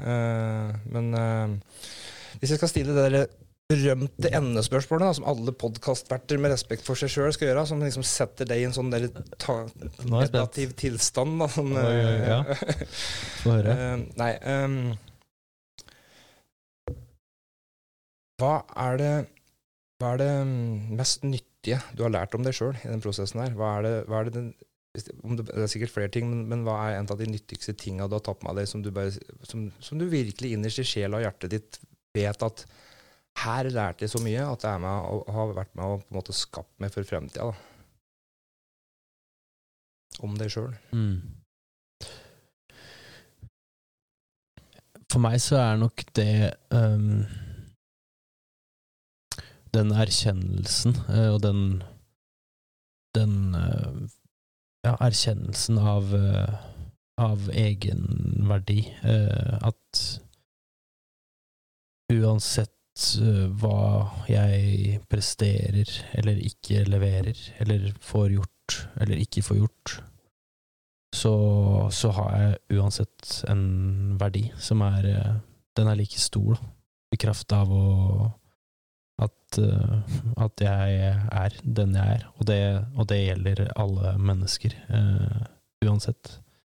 Og det, det er sånn Og der kommer det inn så mye aksept og egenkjærlighet og ja, det å å, det å begynne å ta vare på seg sjøl, fordi man fortjener uh, det, uavhengig av uh, hva som har vært, Mm. og uavhengig av hva man, hvor produktiv man er i samfunnet. Så, så er det Og det, når, når jeg ordlegger meg nå, så høres det ut som jeg kanskje bare lever i sånn uh, total uh, zen og, og bliss med meg sjøl, og det, det, gjør jeg ikke. Jeg har fortsatt mine kamper jeg, altså, hvor jeg kan føle meg skikkelig ræva og dårlig, og, men, men, det er fortsatt en sånn en grunnmur der, da, uh, rundt det med egenverdi, som, som, jeg stadig bygger videre på, og som, som ikke som hindrer meg fra å, å, falle ned i de dypeste avgrunnene når, uh, i perioder som er tøffe. Mm. Mm. Det samme for meg òg. Eh, mm. Det å bli glad i meg, ordentlig glad i meg sjøl. Det er ikke bare noe som alle behandlere sier. Nei. Det er en egen verdi mm. som må oppdages igjen på nytt, på en måte, hvis du, eller i hele tatt. Ja. Det er akkurat det. Og, og så er jo sant, det du sier der, det å bli glad i seg sjøl, det er jo først da og du virkelig kan ta vare på, godt vare på andre, da, og bidra godt uh, ut òg, når, når, du får den uh, ja, verdien i deg sjøl. Mm. Så det er òg til alle andre der ute som hører på, og som føler seg dårlige, brukelige, eh, som, som, ikke er der i livet man skulle ønske, som, som er redde, som, som er sjuke, som er Altså, dere har alle verdi. Uh, og den er like stor uavhengig av uh, hva dere får til, hvilken tittel, eller ja. Mm. ja. For når alt kommer til alt, så, så, så, er vi alle mennesker, og, og vi skaper jo titlene våre ut ifra ønsket. Mm. men det er kanskje der vi knagger mye av sjølfølelsen. Mm. Hva vi oppnår i de titlene, eller i de stillingene da, vi setter oss sjøl i. Ja. Så Nei, dette har vært utrolig interessant og lærerikt. Eh, jeg sier egentlig bare tusen takk, hvis ikke det er noe mer du tenker på. Jeg, jeg, jeg må bare legge av meg en hel masse linker og, og, diverse, og jeg skal legge på telefonnummeret på skjermen og, og, i teksten her, på mm. hjelpetelefoner og sånne ting. Tenk at du òg kanskje kan sende meg noe informasjon ja. Eh, som, som, du ønsker å ha med, hvis det er noe du tenker på der. Det kan jeg gjøre. Det eneste jeg glemte, da, ja. som, jeg har, som, jeg, som, jeg, har vært inne på to turer nå, mm. uh, æresprisen din. Ja. ja, den ville jeg jo høre litt om. Det ramla helt bort. Jeg tror den, den skulle ja, nei, egentlig være med i introen, og så skravla jeg meg bort. Du, det går veldig fint. Men jeg vil gjerne høre litt om den før vi gir oss. Altså, Hva var den æresprisen? Hva var den utgitt fra og for? Og det var eh, Altså, det er en ærespris som deles ut av Politiforum uh, hvert år. Uh, jeg tror det var åttende gangen uh, nå, jeg. Ja. Mm. At det var eh, at, Ja, siden 2015. Uh, eh, så den Jeg ble nominert da før jul uh, av noen. Uh, for, for, åpenheten min rundt det temaet. og så er det da har det vært avstemning som, og en kåring, offentliggjøring av vinneren nå i januar, som jeg da vant, da. Og det, jeg ser jo ikke på det som at jeg vant, for å være helt ærlig. Det, eller det føles i hvert fall Jeg tenker sånn Den, den prisen er for psykisk helse, og mm. til, til alle, alle, mennesker eh, der ute. Eh, og mm, ekstremt ærefullt og fint, eh, og veldig takknemlig for at det temaet har blitt tatt imot som det har blitt tatt imot, spesielt i politiet, da, som, eh, hvor det har vært litt sånn en, en ny dør som har blitt åpna opp. Mm. Så um, ekstremt takknemlig og samtidig veldig ydmyk uh, og glad for temaet sin del. Supert. Mm. Tusen, tusen hjertelig takk for at du kom. Tusen eh. hjertelig takk for at jeg fikk uh, komme. Det har vært kjempefint. Og bare si det til deg igjen nå, at du er uh, skikkelig inspirerende å, lese om din historie, og hvor du er i dag, og hvordan du håndterer håndterer ditt liv og har funnet mening i alt det vonde. Så stå på videre. Det er kult å høre. 嗯，到时候。